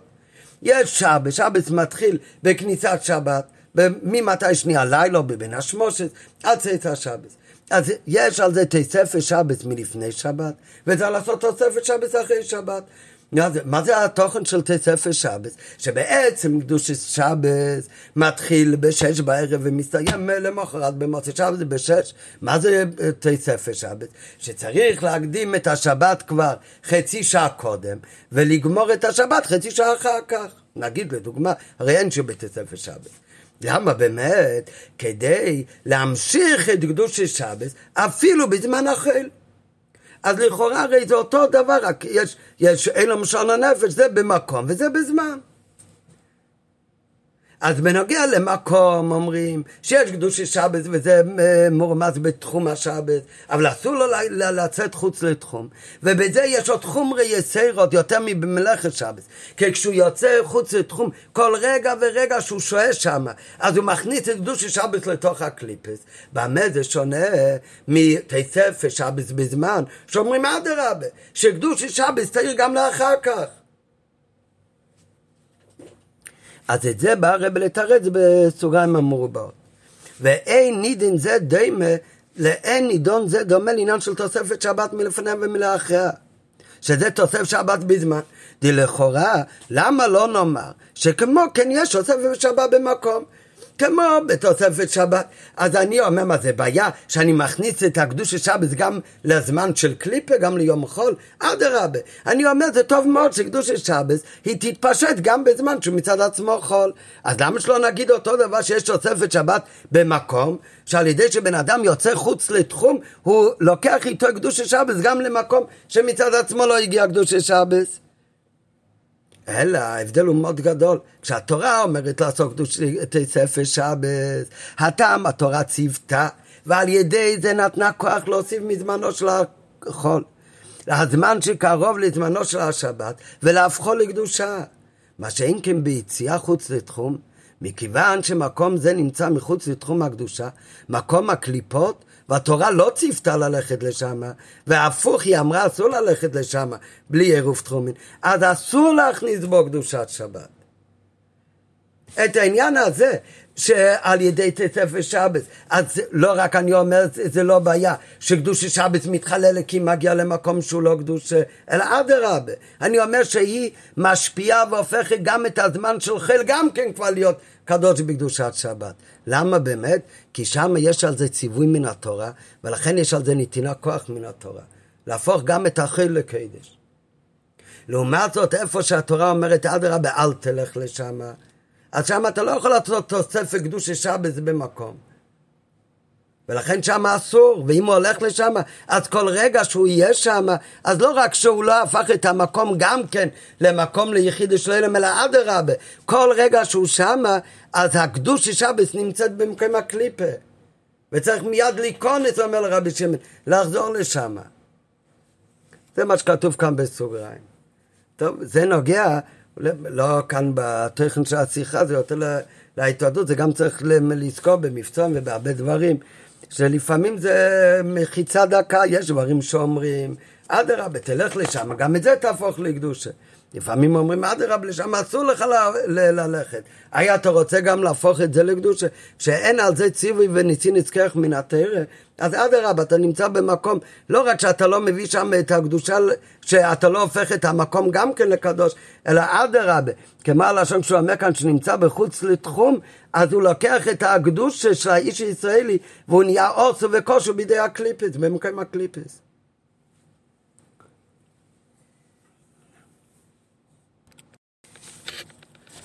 ועכשיו בעוד, בעוד ח' הרבי יסביר ששתי העניינים האלה, שיש בשבס העניין שאיסו מלוכה, שלא לפגום בקדוש שבס, והעניין שאיסו יצא חוץ לתחום, שלא להוציא את קדוש שבס למוקים הקליפס, איך יש שתי העניינים האלה גם אירוע בעבודת השם. בכל הנ"ל כבכל דין ועניון היתר יש הוראה גם בעבודת האדם בכלל. עיקר, עיקר מציאותו של איש הישראלי היא נפשו אלוקית. הנשמה שיהודי היא הרי חלק אלוקה ממעל ממש, ולכן, כמו שהקדוש ברוך הוא בכבודו בעצמו, הוא מרומם ובאין ארוך מכל שורש ומקוד התהוות העולמות. עד כי עשרה מאמרות שבהם נברא העולם, נקרא לגבי מלכו בשם מילין דדיוט, כתוב שבעשרה מאמרות נברא העולם. אבל כתוב שלגבי המלך אין דרך למלך לדבר בדברי ידיעות. אז כתוב שלגבי הקודש ברוך הוא, לגבי המלך של העולם, אז העשור המאמורי שבהם נברא העולם זה נחשב כמו מילין דדיוטה. רק זה השפלה, הקודש ברוך הוא השפיל את עצמו בשביל לברוא את העולם. כמו שכתוב תמיד במורקים בגדולות שם התלמיד הנבוסנות של הקודש ברוך הוא, שמה שהגדלות של הקודש ברוך הוא בעשור מאמוריס נברו אלום בעצם בשביל הקודש ברוך הוא זה השפלה שהוא השפיל את עצמו בעשור מאמוריס. עד שהגיע ביום השבת וביום השביעי שוב עצמאי נופש כביכול להתעלל לדרגה יותר גבוהה למעלה מהדיבור. אז אותו דבר זה גם האיש הישראלי שגם כן הוא הרי חלק אלוקה ממעל אז הוא אדם אל עליון דומה לקודש ברוך הוא, אז גם היהודי הוא מצד עצמו למעלה מכל ענייני העולם, מצד הנשום. אלא מה, בכל זאת הוא צריך להשפיל את עצמו להתעסק בענייני העולם. ככה הקודש ברוך הוא הוריד את הנשמה כאן למטה, שגם היא צריכה להיות את ההשפלה הזאת למילינדי דיוטה להתעסק בענייני העולם. כמו שהתורה ציוותה שיש את יום ממתה ודבוסיס כל מלאכתך, אף על פי שמצד הנשום זה השפלה. וגם בזה הוא דומה לבורק. שם שם מזבח צמצם את עצמו לעבוד את העולמות. כמו כן להבדיל אודם על שם אדם לעליין, הוא נברא באופן שעליו לצמצם את עצמו להתעסק בענייני העולם. ואם כן מובן שהתעסקות בני ישראל בענייני חול ועולם זה צמצום והשפלה. ואם זה רק צמצום והשפלה, אז הוא צריך תמיד לזכור שזה צמצום והשפלה. ולכן, המהותו העצמי של היהודי איפה המהות שלו נמצא, זה למעלה מהשפלה. הוא למעלה מכל זה. זה זאת אומרת, שמותו העצמי זה בבחינת שבס. זה שביתה ומנוחה מעובדין דחול. וזה לא רק ביום השביעי, בשבת זה בגולי לכל השבת. אבל בעצם זה גם בימות החול, היהודי מצד עצמו בבחינת שבס. היהודי מצד עצמו הוא למעלה מענייני העולם. רק בחיצניוס הקדוש ברוך רצה שישפיל את עצמו ויתעסק שיש את יומים, תעשה מלאכתך. ובמילא, כמו שאמרנו מקודם לעניין שבת, שיש בזה שתי איסורים, שיכול להיות, יש איסור מלוכה, שזה אסור שיהיה חילול בקדוש השבס, ואחר כך יש איסור חוץ לתחומן, אסור את השבס להביא למקום שהוא לא קדושה, למקום הקליפס. ובמילא שני הדינים בשבס, איסור עשיית מלאכה ואיסור יציאת חוץ לתחום, יש בהם הוראה בכללות הנהגתו של כל אדם מישראל, גם בימות החול, כי הרי מהותו של כל יהודי היא בחינת שבס, להיות מושבת ולמעלה מכל השפעה לעניין אלא מה זה. ועכשיו נראה את שתי האיסורים האלה איך הם בעבודת האודם של כל אחד. האיסור של עשיית מלאכה בשבת מה עניינו בהנהגת האדם? זה הכנסת מילין דה עלמה ועובדין דה חול לתוך מוחו ושכלו, שמכין שלו זה בחינת שבש הכולי יהודי.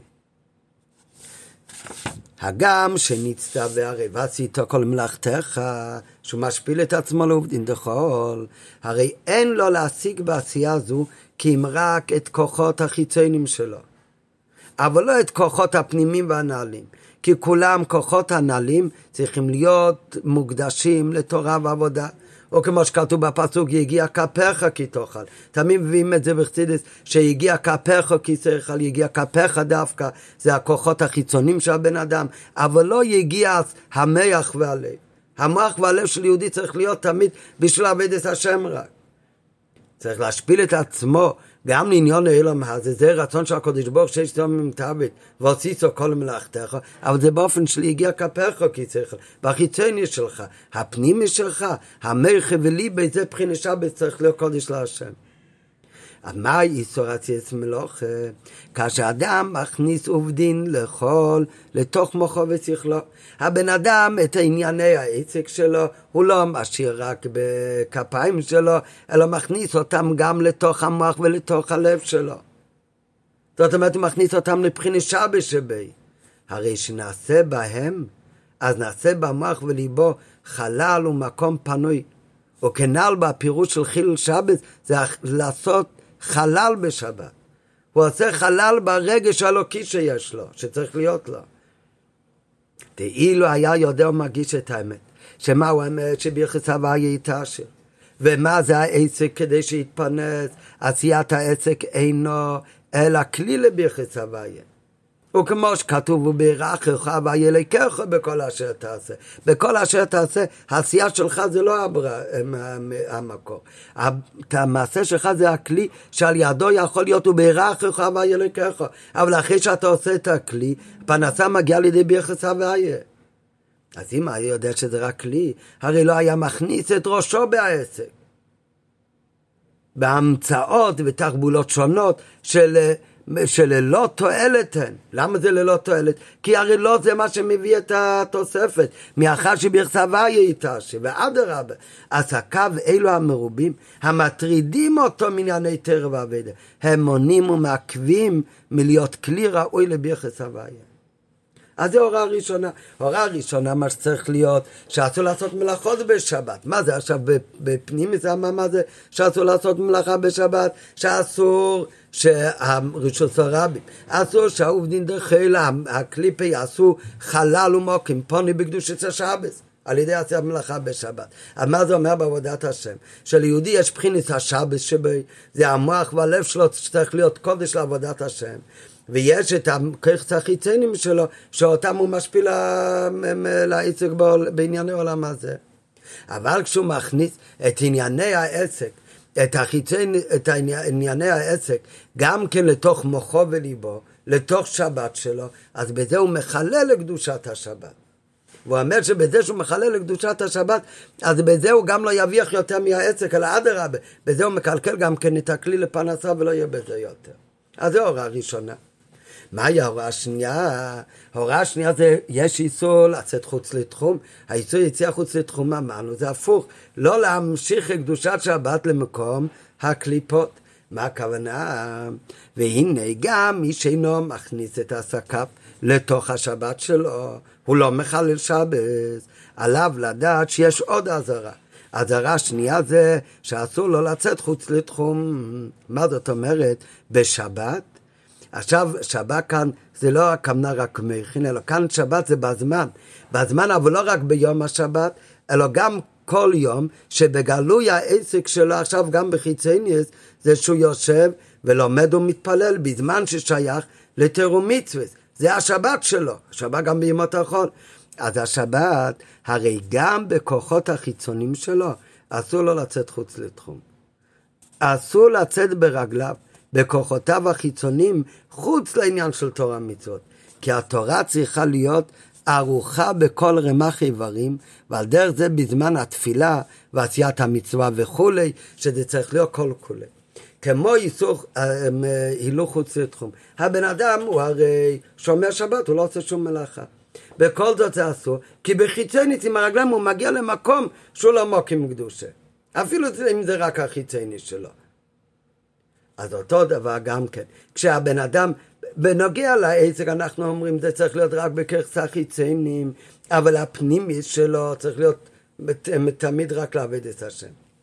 אז היינו אולי יכולים לחשוב, אם הפנימי שלו הוא בסדר, הוא לא עושה מלוכה, הכוונה הוא לא מכניס תרבולת גם לשכל שלו, אלא הפנימי שלו באמת, קדוש שבס היא לא נפגמת, היא לא מתחללת, אבל אולי זה גם יכול לעבוד הפוך, שהוא לומד תר ומקיים מצווה. והוא עוסק בתפילה, גם בזמנים שהוא עוסק בתר ומצווה. אז בעיקר עם מה צריך לעסוק בתר ומצווה? בכוחות הפנימיים שלו. במח ולב שלו, הככס החיציינים שלו, וזה זה לא צריך להיות שם, זה לא משנה איפה זה. אז על זה אומרים לא, הרי בשבס, כשיש שבס בגלוי, אז אפילו ברגליים שלו אסור לו ללכת חוץ לתחום למוקם שלו קדושה בגלוי. אותו דבר כשיהודי לומד ומתפלל, והוא עובד את הקודש ברוך הוא ומקיים מצווה, אז זה לא מספיק שזה יהיה רק במח ובלב, אלא זה צריך להיות בכל רמ"ח איבורים ושסגידים שלו, שאסור ששום חלק ממנו לא יהיה מחוץ לתחום בשבת.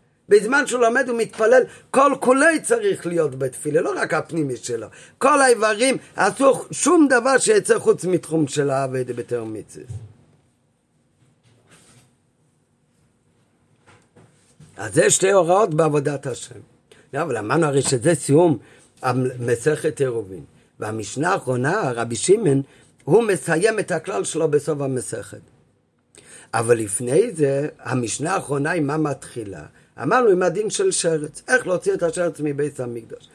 אז עכשיו, באות האחרונה של השיחה, הרי נלמד גם כן הוראה מהמשנה האחרונה של מסכת עירובין, שהוא בית דין של שרץ שנמצא במקדוש, פירוש גם לאחרי קיומה, שכל ההוראות שבמסכת שבת ועירובין, שסיימו את מסכת שבת ועירובין, שבמסכת שבת הכוונה, מה זה ברוכניס הכוונה? שהוא נזהר בהוראה של מסכת שבת לא לעשות שום מלאכה, לא לפגום בקדוש שבת, זאת אומרת שהמח והלב שלו יהיה קודש להשם. והוא גם נזהר בעירובין. וכשמגיע לזמן שהוא לומד תורה ומקיים מצוות ומתפלל, אז כל כולו, אפילו החיצני שלו, לא יוצא מגבול הקדושה. בשביתת מרחי ממלאכה, בשביתת מוחו ממלאכה, והוא גם נזהר בשבת, גם ברגליו, שגם הם יימצאו בתוך התחום, שהכל יהיה רק בתחום של קדושה. ואז הבית המקדוש הוא בשלמות. אבל עדיין יכול להיות, לפעמים שבתוך בית המקדש פתאום נמצא איזה שרץ. וכל זה עדיין אפשר ונמצא שרץ במקדש שלו. איך יכול להיות שאחרי שהוא נזהר בהכל, סוף מסכת לסירובין, הוא נזהר לא לחלל את המרח והלב שלו, וגם הרגליים וכוחת החיצונים שלו בזמן עבודת השם, שום דבר לא יוצא מעבודת השם, הכל כולו חדו בעבודת השם. איך עדיין יכול להיות שרץ במקדוש הפרטי שלו? כי טומאת שרץ זה לא טומאה יוצאת מגופו. את עצמו הרי בירר וזיכך. הוא נזהר בשתי הפרטים בשבת, כמו שאמרנו, כל בעבודת פנימיס. אז לכן באמת הטומאה שיוצאת מגופו שקשורה אליו בפנימיות, זה כבר לא שייך. אבל עדיין יכול להיות טומאה של שרץ שבא מבחוץ. מה הכוונה זה בא מבחוץ? מכיוון הוא על עצמו עבד, אבל מכיוון שהעולם לא נזדכך עדיין, הרי מצד חומריות העולם ישנה אפשרות של מציאות של שרץ עדיין במקדש הפרטי שלו, אף שמצידו, מצד העבודה הפרטית שלו, כבר אינו שייך לזה. מצד המצב בכלול סלום עדיין זה לא ימי המשיח, אז יכול להיות לו עדיין שרץ, יש עדיין משהו שאינו בסדר אצלו. ואף שהטומאה הזאת, אם באמת הוא בירר את עצמו בתכלית, אלא השרץ זה לא טומאה שנמצאת מגופי, אלא זה נפל מהעולם, איכשהו נפל השרץ, כי העולם עוד לא יסתכך לגמרי, אז הוא לא אשם בזה. נו, אז נכון, גם אם הוא לא אשם בזה, וכל זה לטמן דה פליק, אתה לא אשם בזה שהגיע השרץ, אבל עכשיו שאתה יודע שיש עדיין איזשהו שרץ, משהו שלא ראוי אצלך, אז נכון, גם אתה לא אשם, אז בטוח שעליו החובה להוציא את זה מהמקדוש. ועל זה יש מחלוקת במשנה האחרונה, מהו הדרך להוציא את זה מהמקדוש. האם להוציאו בהמיונו, הוא צריך להוציא את זה עם אחד מהלבושים שלו, דהיינו להוציא את הטומאה על ידי אופן עבודה של התעסקות והתלבשות. בהמיונו, באבנט, זה לבושים. זאת אומרת שהוא מתלבש כדי לברר ולהוציא את הטומי ממנו. זה לבושיו על כל פנים, הוא מתעסק בזה, אבל בזה הוא יוציא אותו תקף ומיד. רק מה, יש בזה סיכון קצת, כי כשמתעסקים באופן של התלבשות, אתה צריך לרדת לרמה של הדבר הרע הזה.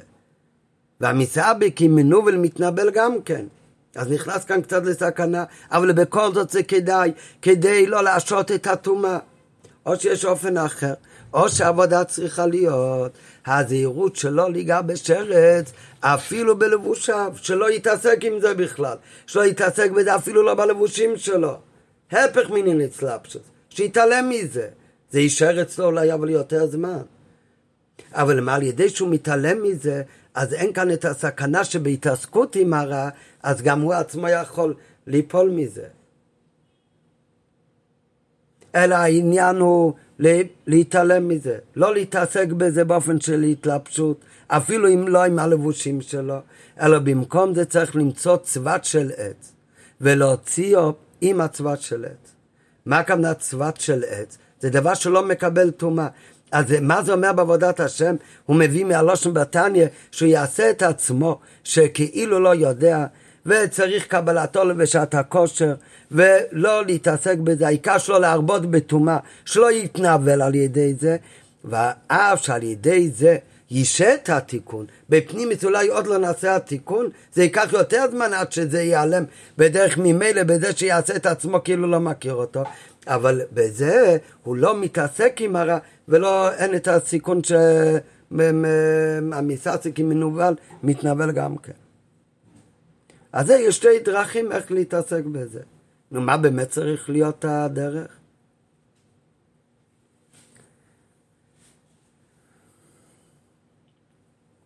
כנראה כל אחד לפי עניינו, אין בזה כללים כל כך.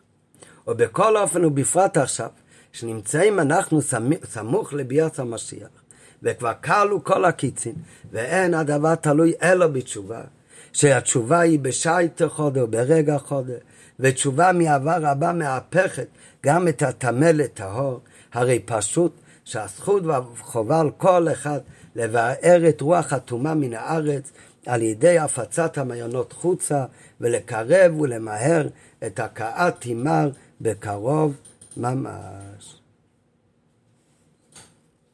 בהערה 66 הוא מביא מהרב נשמתיאל, מהרב רש"ב, שאין עכשיו סדר והדרגה באופני הבירורים והתיקונים. למדנו יכול להיות באופן כזה או באופן כזה, אבל אין היום סדר והדרגה באופן הבירורים והתיקונים, ומה שמוצאים שצריך תיקון, צריכים אנחנו להשתדל בכוחות עצומות. כן? ופשוט זה לא מסביר באיזה אופן משל האופנים שהוא אמר מקודם, זה כנראה תלוי כל אחד איזה סוג רב ואיזה... וכמה יש בזה את הסיכון. אבל בכל אופן הוא אומר, אבל זה בטוח שכל אחד, מכיוון שכבר קרוב לביאת משיח, כל אחד צריך להשתדל מה שיותר באמת, גם אם הכל כבר בית המקדוש בשלימות, בשתי עניינים של השמירת שבת שמענו בשיחה, עדיין יכול להיות מצד האלו עניין של שרץ, וגם את השרץ הזה, את הטומאה הזאת צריך להעביר ולהפוך אותו על ידי אבדת התשובה, שלהפוך גם את הטמא לטהור. כן, רק מקודם הרי אומר שעל ידי שהוא מתעסק בלהפוך את זה, זה יכול גם לסכן אותו. אז הוא מביא בהערה האחרונה בשיחה, מה שלמדנו בחלק י', שוישלח יעקב מלוכים, אז למדנו שם על מלוכים ממש, מה הכוונו שלח מלוכים ממש? הוא שלח את המלאכים לאיסוף, אבל הממשות שלהם, הם בפנימיס נשארו קשורים ליעקב אבינו, וזה נותן את הכוח שגם באיסאסקוס עם איסוף, הוא באמת, האסלאפשוס הזה לא פועל לו בו ירידה, אלא יהפוך את איסוף ויהיה קשור גם ליעקב. ופשוט הוא מביא את זה כאן, שב, שגם בעת עסקו בחוצו, יוקבע בליבו שכל זהו מילוי כוונתו של המשלח, ובמילא הוא וכל ענייניו, גם לבושיו, בהתקשרות למשלח. ופשוט מביא את ההערה הזאת כדי להגיד שיכול להיות ההת... ההתעסקות באופן של אסלאפשוס, שהוא מוציא את השרץ עם, ה...